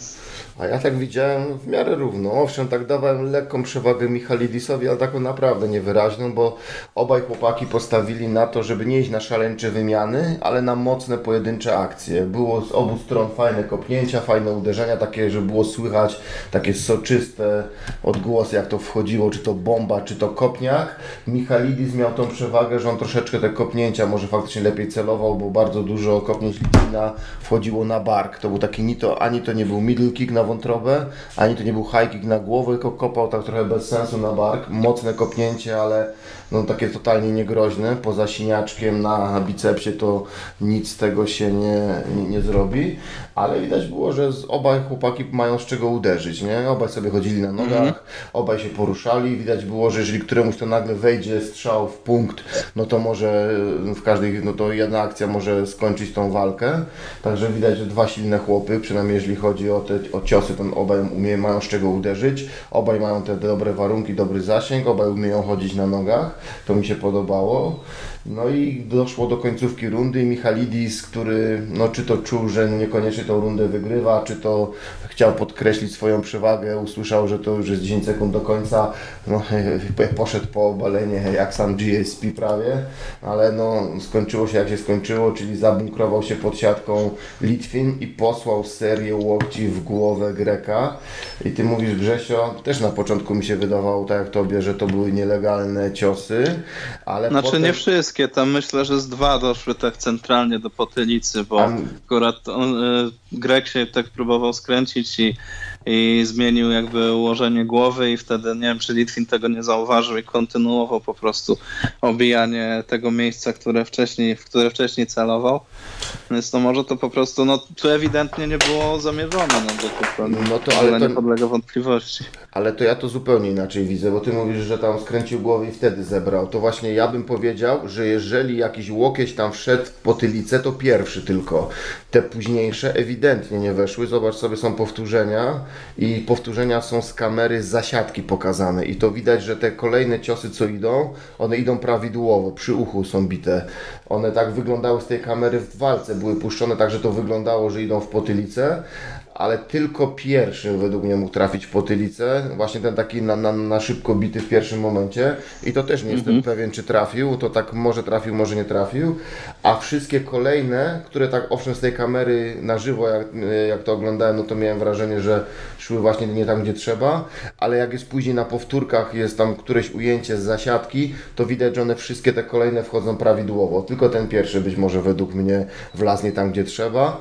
I komentatorzy właśnie, no, to nawet mówili, że na początku, że mieli, zastanawiali się, ale potem nie, nie, nie, legalne, legalne. Po tym jak zobaczyli to ujęcie, o którym mówię z zasiadki, widać było, że te łokcie weszły. No i z kolei zgadzam się z Tobą, świetnie to podsumowałeś. To jest to, że taki był zamroczony owszem e, Grek, chciał sobie usiąść, oprzeć się o siatkę, no a w tym miejscu otwarło się wejście do klatki, on stracił równowagę, no każdy by stracił. Pamiętam jak mi kiedyś kolega zrobił numer, jak siadałem na krześle, zabrał mi to krzesło, chociaż nie byłem podłączony, no to po, poleciałem na glebę, no i tak samo poleciał ten Grek. Sędzia A to dobrze, że sędzia wtedy nie przerwał. Tak, tak, dobrze, że sędzia nie przerwał. A wygrałeś? Eee, powiedzmy, że no contest, nie? Ale, ale nie, nie, nie było walce, nie? To kolega mi zabrał, to było na A. weselu, więc... Eee, że walce. Nie, nie, nie, nie, nie, nie walce, ale tutaj chodziło, po prostu kolega kawał zrobił, więc wiem jak to jest, że nie byłem podłączony, siadłem sobie, a tu dup nie ma krzesełka. No a tutaj chciał się oprzeć o siatkę, a tu dup nie ma siatki. Sędzia to przerwał. E, przy czym nawet się ten Grek później specjalnie nie kłócił. Widać było, że on był trochę zamroczony. Może i kto wie, czy mu to na zdrowie nie wyszło, bo tak siedział, patrzył taki zdziwiony na tego sędziego wyraźnie, tak, tak, ale, nie wiedział na ale miał trochę bałagan w oczach i mogło być tak, że to obaj chłopaki mocniej bili, wyszedł do, rundy i dostałby dzwona i by się skończyło ciężkim knockoutem. Może i dobrze dla niego. No w każdym razie ewidentnie zrąbał tą sprawę z tym obaleniem, bo tak utknął. Poszedł ładnie, złapał, zatrzymał się na siatce i zamiast, mm, wiedział, że jest kilka sekund do końca rundy, zamiast to za wszelką cenę wyszarpywać, choćby miał stracić dużo kondycji w tym momencie, ale żeby zapunktować do końca, on tak na chwilę się zatrzymał i to wykorzystał Litwin na tą serię łokci, które no, podłączyły ewidentnie Greka. Także no, też dawałem, że taką minimalną przewagę Grekowi, ale no, to jest to, że do ostatniej sekundy w MMA trzeba być czujnym. On tak sobie zatrzymał się po prostu, żeby tam sobie, nie wiem, czy złapać oddechu, czy po prostu przytrzymać, że to może będzie już jako sprowadzenie liczone, myślał i dostał raz, drugi, trzeci, czwarty, piąty i się okazało, że, że zrobiło to na nim wielkie wrażenie. No i dlatego mi się wydaje, że to nie jest szczęście u Litwina. No nawet jeżeli przegrywał ten pojedynek, no to według mnie właśnie równa ta runda była.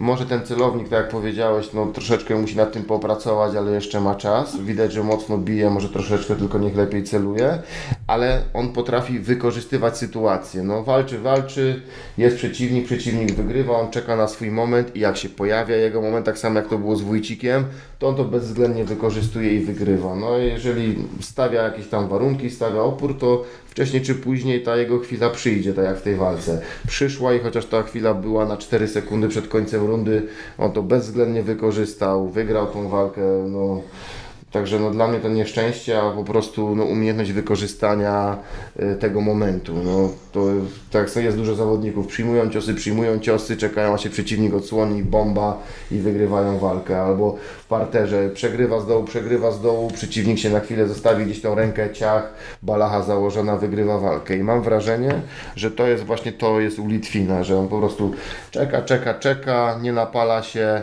ale dostaje swoją szansę, dup bezwzględnie tą szansę wykorzystuje. Także podobał mi się występ Litwina. Też na początku nie byłem pewien, jak to z tymi łokciami naprawdę było, ale no, rozwiały moje wątpliwości te ujęcia z kamery zasiadki, z tymi drzwiami. Z jednej strony trochę pech dla Greka, a może z drugiej strony szczęście, bo może pierwszy cios w drugiej rundzie by go ciężko znokautował, tego nie wiemy. No, w każdym razie Grek trochę na własne życzenie to zrąbał, bo dał szansę Litwinowi, którą Litwin wykorzystał. Mi się występ Litwina podobał. Będę czekał na jego dalsze walki. Ciekawe jak to mu w tej półciężkiej pójdzie.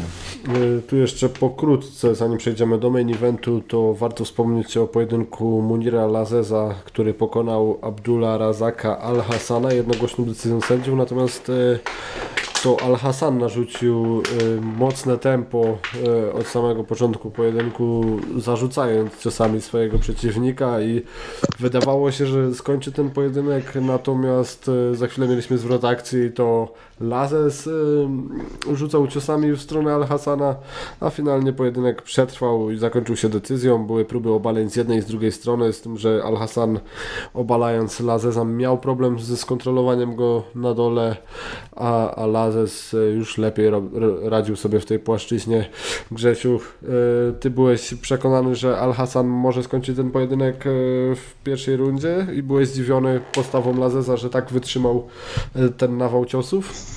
Tak, byłem zdziwiony, to, to po pierwsze właśnie, że wytrzymał, po drugie, że nie skończył go wtedy Al-Hassan, bo miał naprawdę moment, jak przeciwnik był na siatce i tylko w sumie zbierał te ciosy, no głównie oczywiście na gardę. No i trzecie moje zaskoczenie było takie, że zawodnicy, którzy słyną z szybkiego kończenia pojedynków i nokautowania swoich rywali, doszli do decyzji.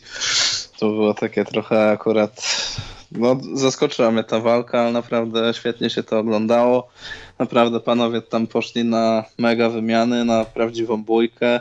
Później oczywiście, jak sobie zdali sprawę, że no, warto byłoby jednak wygrać tę walkę, a nie tylko się tłuc, no to zaczęli bardziej no, może nie nawet kalkulować, ale mądrzej po prostu podeszli do walki i, i starali się tam sprowadzać swojego rywala i głównie w parterze jakby rozstrzygać e, dalsze losy tego pojedynku. Ale mimo wszystko oglądało się naprawdę super. No, jedna z lepszych walk w ogóle myślę w tym roku na pewno będzie na pewno brana pod uwagę, jeśli chodzi o, o przyznanie jakiejś tam nagrody naszej pewnie w, na, na koniec roku za, za 2020 rok. No warto wspomnieć też, że zostali nagrodzeni bonusem, a w zasadzie e, tylko zawodnik, który wygrał, czyli Munir Lazes został nagrodzony bonusem, dlatego że Al-Hassan przestrzelił wagę i nie dostał pieniędzy.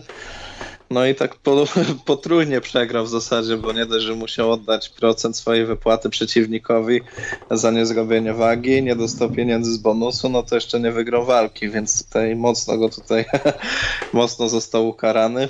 No ale myślę, że, że naprawdę powinien mimo wszystko być z siebie dumny, bo walkę dał świetną. No, żaden zawodnik nie dał się skończyć. Obaj naprawdę mają mega twarde szczęki, mega ciężkie pięści. No, świetne zestawienie i myślę, że nieprzypadkowo znalazło się na karcie głównej.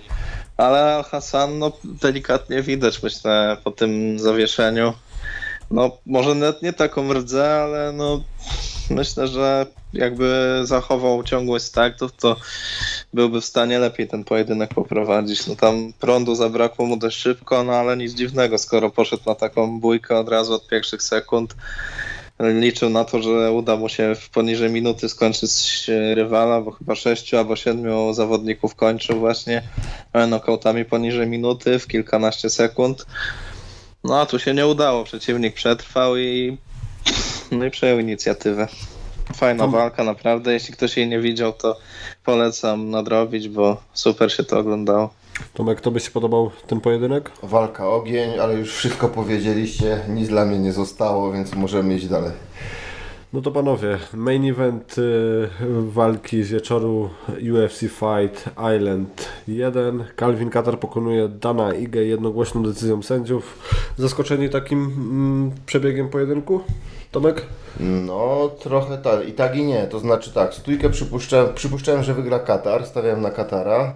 E, przypuszczałem, że no stójkowo mniej więcej tak się spodziewałem, że będzie robił e, użytek ze swojej przewagi zasięgu. E, natomiast co mnie najbardziej w tym pojedynku zdziwiło, to Igej co on wyprawiał z zapasami, to ja nie rozumiem, nie? To była, no, no jeżeli chodzi o... Fajnie się pokazał w tej walce, bo przyjmował ciosy, bił bomby, Pierwsza runda, no to tam poza prawym to nic nie specjalnie robił, parę razy prawym trafił, ale już od drugiej rundy zaczął, dodał tą lewą rękę, zaczął, zaczęły wchodzić kombinacje. Może przegrywał te wymiany, ale tam były fajne ciosy po obu stronach, przyjmował, oddawał, był bardziej rozbity.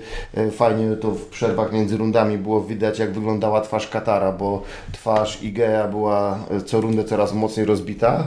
Po pierwszej rundzie twarz Katara w ogóle nie była rozbita, po drugiej rundzie pojawiło mu się na środku nosa, takie małe wgłębienie, może jakieś uszkodzenie nosa, czy nie wiem, czy złamany, czy pęknięty, czy tylko opuchnięty był, ale coś tam w nos weszło. Po trzeciej rundzie doszło do tego małe rozcięcie nad okiem, po kolejnej doszło podbite oko i po kolejnej doszedł jakiś guz na czole, czyli tak co rundę dochodziła mu jedna rzecz na głowie, czyli te ciosy Aiga tam jednak coś tam wchodziły, jakąś robotę robiły.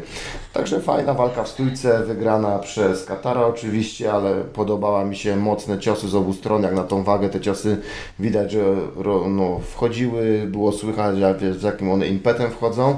Natomiast tak, Katar, rewelacyjna obrona zapa zapaśnicza, ale co Ike robił, zauważcie, że on tak robił albo dojście po nogę na wysoko, albo w biodra na wysoko, pod biodra szedł e, łapiąc e, i próbował obalać, tylko ładnie szarżował, ładnie dochodził i jak szedł po dwie nogi, czyli właśnie po, na, nogi, e, na wysoko łapał pod pośladkami, na, na, na, na wysoko, szedł ze zwykłej pozycji, czyli powinien mieć głowę na zewnątrz, czyli na lewym boku Katara, a on dawał głowę do wewnątrz, na prawy bok Katara i próbował się rzucać do boku, tak jakby miał głowę prawidłowo ustawioną, a nie miał. I efekt był taki, że sam się przewracał na swój prawy bok. To już w pierwszej rundzie było widać. Zaszarżował, źle ustawił głowę, taki szkolny błąd rzucił się i położył się na lewym boku po prostu. Z tego jeszcze jakąś taką próbował jakby wkrętkę do dźwigni na nogę zrobić, ale to nie miało szans powodzenia.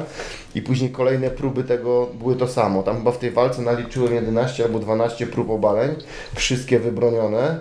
Dużo lepiej szło mu noga na wysoko, ale chyba w trzeciej rundzie tak właśnie zaszarżował, złapał Katarowi nogę na wysoko, leciał z tym do przodu, a Katar taką podstawową zapaśniczą obroną, ale w MMA rzadko widzianą, wybił się mocno do góry nagle, także cały ciężar e, nagle jego, wybił się na sekundę w górę i wracał, obciążył mocno Aiga i ładnie mu dzięki temu wyszedł. To polecam każdemu zobaczyć, właśnie szarżujący Aig łapie tą nogę, Katar na wstecznym wybija się do góry i wracając do dołu mocno obciąża, wyrywa się, zdobywa luz sobie w tym uścisku i dzięki temu wyrywa się, schodzi do boku i kontruje. No piękna akcja w obronie.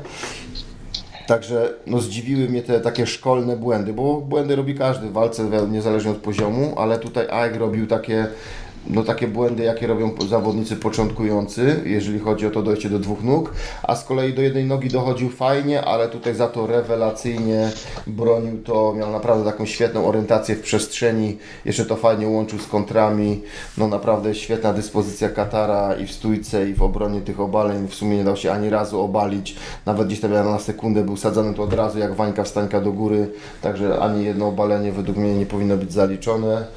No, z kolei właśnie zdziwiły mnie te zapasy, co tam Ike wymyślał, no bo bardzo mnie to zdziwiło, bo to, że mu się nie udało obalić, ok, ale czemu takie te błędy skąd się wzięły, że on się właśnie ze dwa, trzy razy przewracał sam na swój lewy bok e, po tym, jak nie włożył tej głowy, nie rozumiem tego, to jest coś dziwnego, to sobie musi Ike przemyśleć, jak to zobaczy, sam się pewnie za, głow za głowę złapie.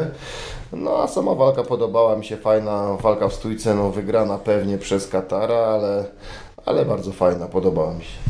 E, Grzesiu, ty po tych e, decyzjach na, na karcie głównej, e, jakie masz spostrzeżenia na temat walki wieczoru? No cała karta główna w decyzjach, no, niestety, ale no te walki no, nie były złe, ale no myślę, że troszeczkę można tam było przycisnąć też oczywiście jest to zrozumiałe, bo zawodnicy walczą tam w zasadzie o 5-6 rano, bo to jest wszystko przystosowane e, do czasu amerykańskiego. I na pewno nie jest to komfortowe, więc myślę, że może ewentualna dyspozycja e, wynikać z tych pór, w których muszą walczyć. No ale co do tej walki, nie była zła, natomiast spodziewałem się troszeczkę więcej po Kejtarze, bo jest to zawodnik, którego naprawdę bardzo lubię i i mocno mu kibicuję i obserwuję go bardzo uważnie. Myślałem, że jednak przyciśnie trochę bardziej, będzie w stanie w rundach mistrzowskich skończyć Dana IG, natomiast no IG jest bardzo twardym zawodnikiem, co już też pokazała walka z Edsonem Barbozą, czy jego poprzednie pojedynki. Zbierał sporo tych ciosów, nawet całkiem nieźle się pokazał w tej stójce. Myślałem, że będzie takim workiem do obijania, a tam też miał sporo w sumie fajnych akcji na swoim koncie. Myślę, że też nie ma wstydu, mimo że przegrał wyraźnie ten pojedynek, to nie powinien się załamywać po takiej walce. Zresztą sam powiedział, że jest zadowolony z siebie i myślę, że słusznie. Pierwszy main event obu zawodników, znaczy no Kejter miał już okazję walczyć w walce wieczoru, ale była to wtedy trzyrundowa walka z zawitem Magomed Sharipowem. Myślę, że gdyby tam ten pojedynek potrwał 5 rund, to zwycięzca byłby inny. Natomiast tutaj no, Myślę, że no fajny pojedynek. Troszeczkę mówię, zabrakło mi takiego pazura, że tak powiem, u Kejtara, bo myślałem, że jeśli przyciśnie i, i mocniej zasypie przeciwnika ciosami, to będzie w stanie skończyć. Tak troszeczkę bardziej zachowawczo, myślę, walczył. Chyba tam w drugiej no, e, rundzie e, został złamany jego nos. Zresztą nawet chyba to potwierdził. Mówił, że już e, Jeremy Stevens mu złamał nos, a teraz po prostu kontuzja się odnowiła w tej walce, więc myślę, że Ewentualnie to mogło mieć też wpływ na taki troszeczkę bardziej wycofany styl. No i też ta świadomość e, pięciu rund, no bo pięć rund, no to w zasadzie pierwszy raz na takim dystansie miał okazję się sprawdzić, jak już wspomniałem i być może też nie chciał aż tak chciał po prostu zobaczyć, jak to się rozkłada siły na taki dystans i troszeczkę bardziej zachowawczo walczył. No, ogólnie występ na duży plus i fajnie, no naprawdę jestem ciekawy, z kim teraz zostałem tego zawodnika i myślę, że ma naprawdę spore szanse, żeby namieszać tej dywizji. No to co, e, obie gale mamy podsumowane. No, ta środowa chyba nie należała do najlepszych, poza tymi pojedynkami, które omówiliśmy. E, ja jestem pełen podziwu Grzesiu, no bo to taki trochę maraton. Sobota dwie gale, środa e, jedna gala i jak dobrze rozumiem, jutro też e, atakujesz galę UFC kolejną, tak? Oczywiście, że tak. Ale jestem bardzo ciekawy rewanżu w main evencie Figueiredo z Benavidezem, także będę z ciekawością wyczekiwał walki wieczora. To zawsze fajnie się ogląda galę, jak się czeka na pojedynek wieczoru. Mm, zawsze inaczej leci czas. Z ogłoszeń parafialnych, y, może jeszcze nie wiecie, ale na naszym kanale YouTube jest y, wywiad, y, rozmowa Q&A z Mateuszem Gamrotem. Padło 50 pytań od fanów, które zadał Mariusz.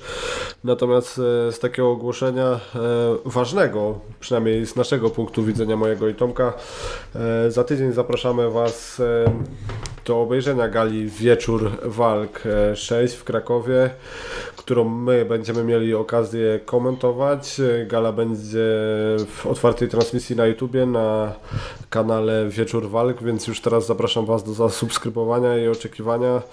My prosto z Krakowa y, całą galę, czyli 13 pojedynków bodajże skomentujemy dla Was. No niestety bez moich dygresji tym razem. Zrobimy podsumowanie. Zrobimy podsumowanie. Jak będziesz oglądał oczywiście.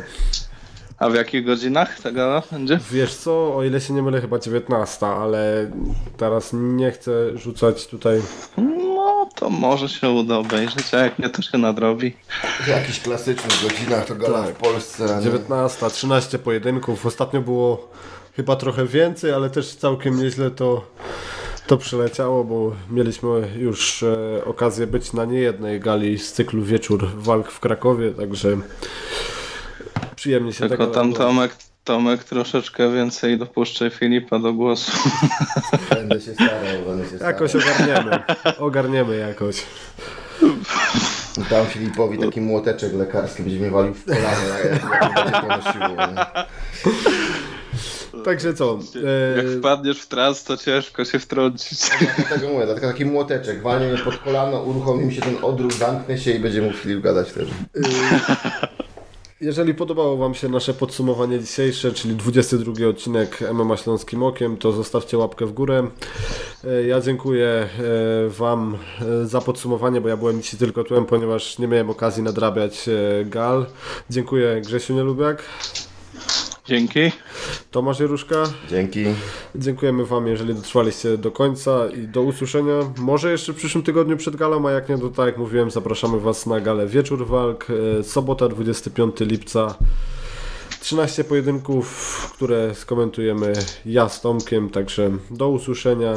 I życzenia jeszcze raz dla naszych dzisiejszych solenizantów, czyli Pauli Klimek i Patryka Szałowskiego, 100 latek i dużo zdrowia i wszystkiego najlepszego. Tak, i Pauli życzymy, żeby Rose zawsze dawała takie emocjonujące walki jak ostatnio. Także jeszcze raz dzięki i do usłyszenia.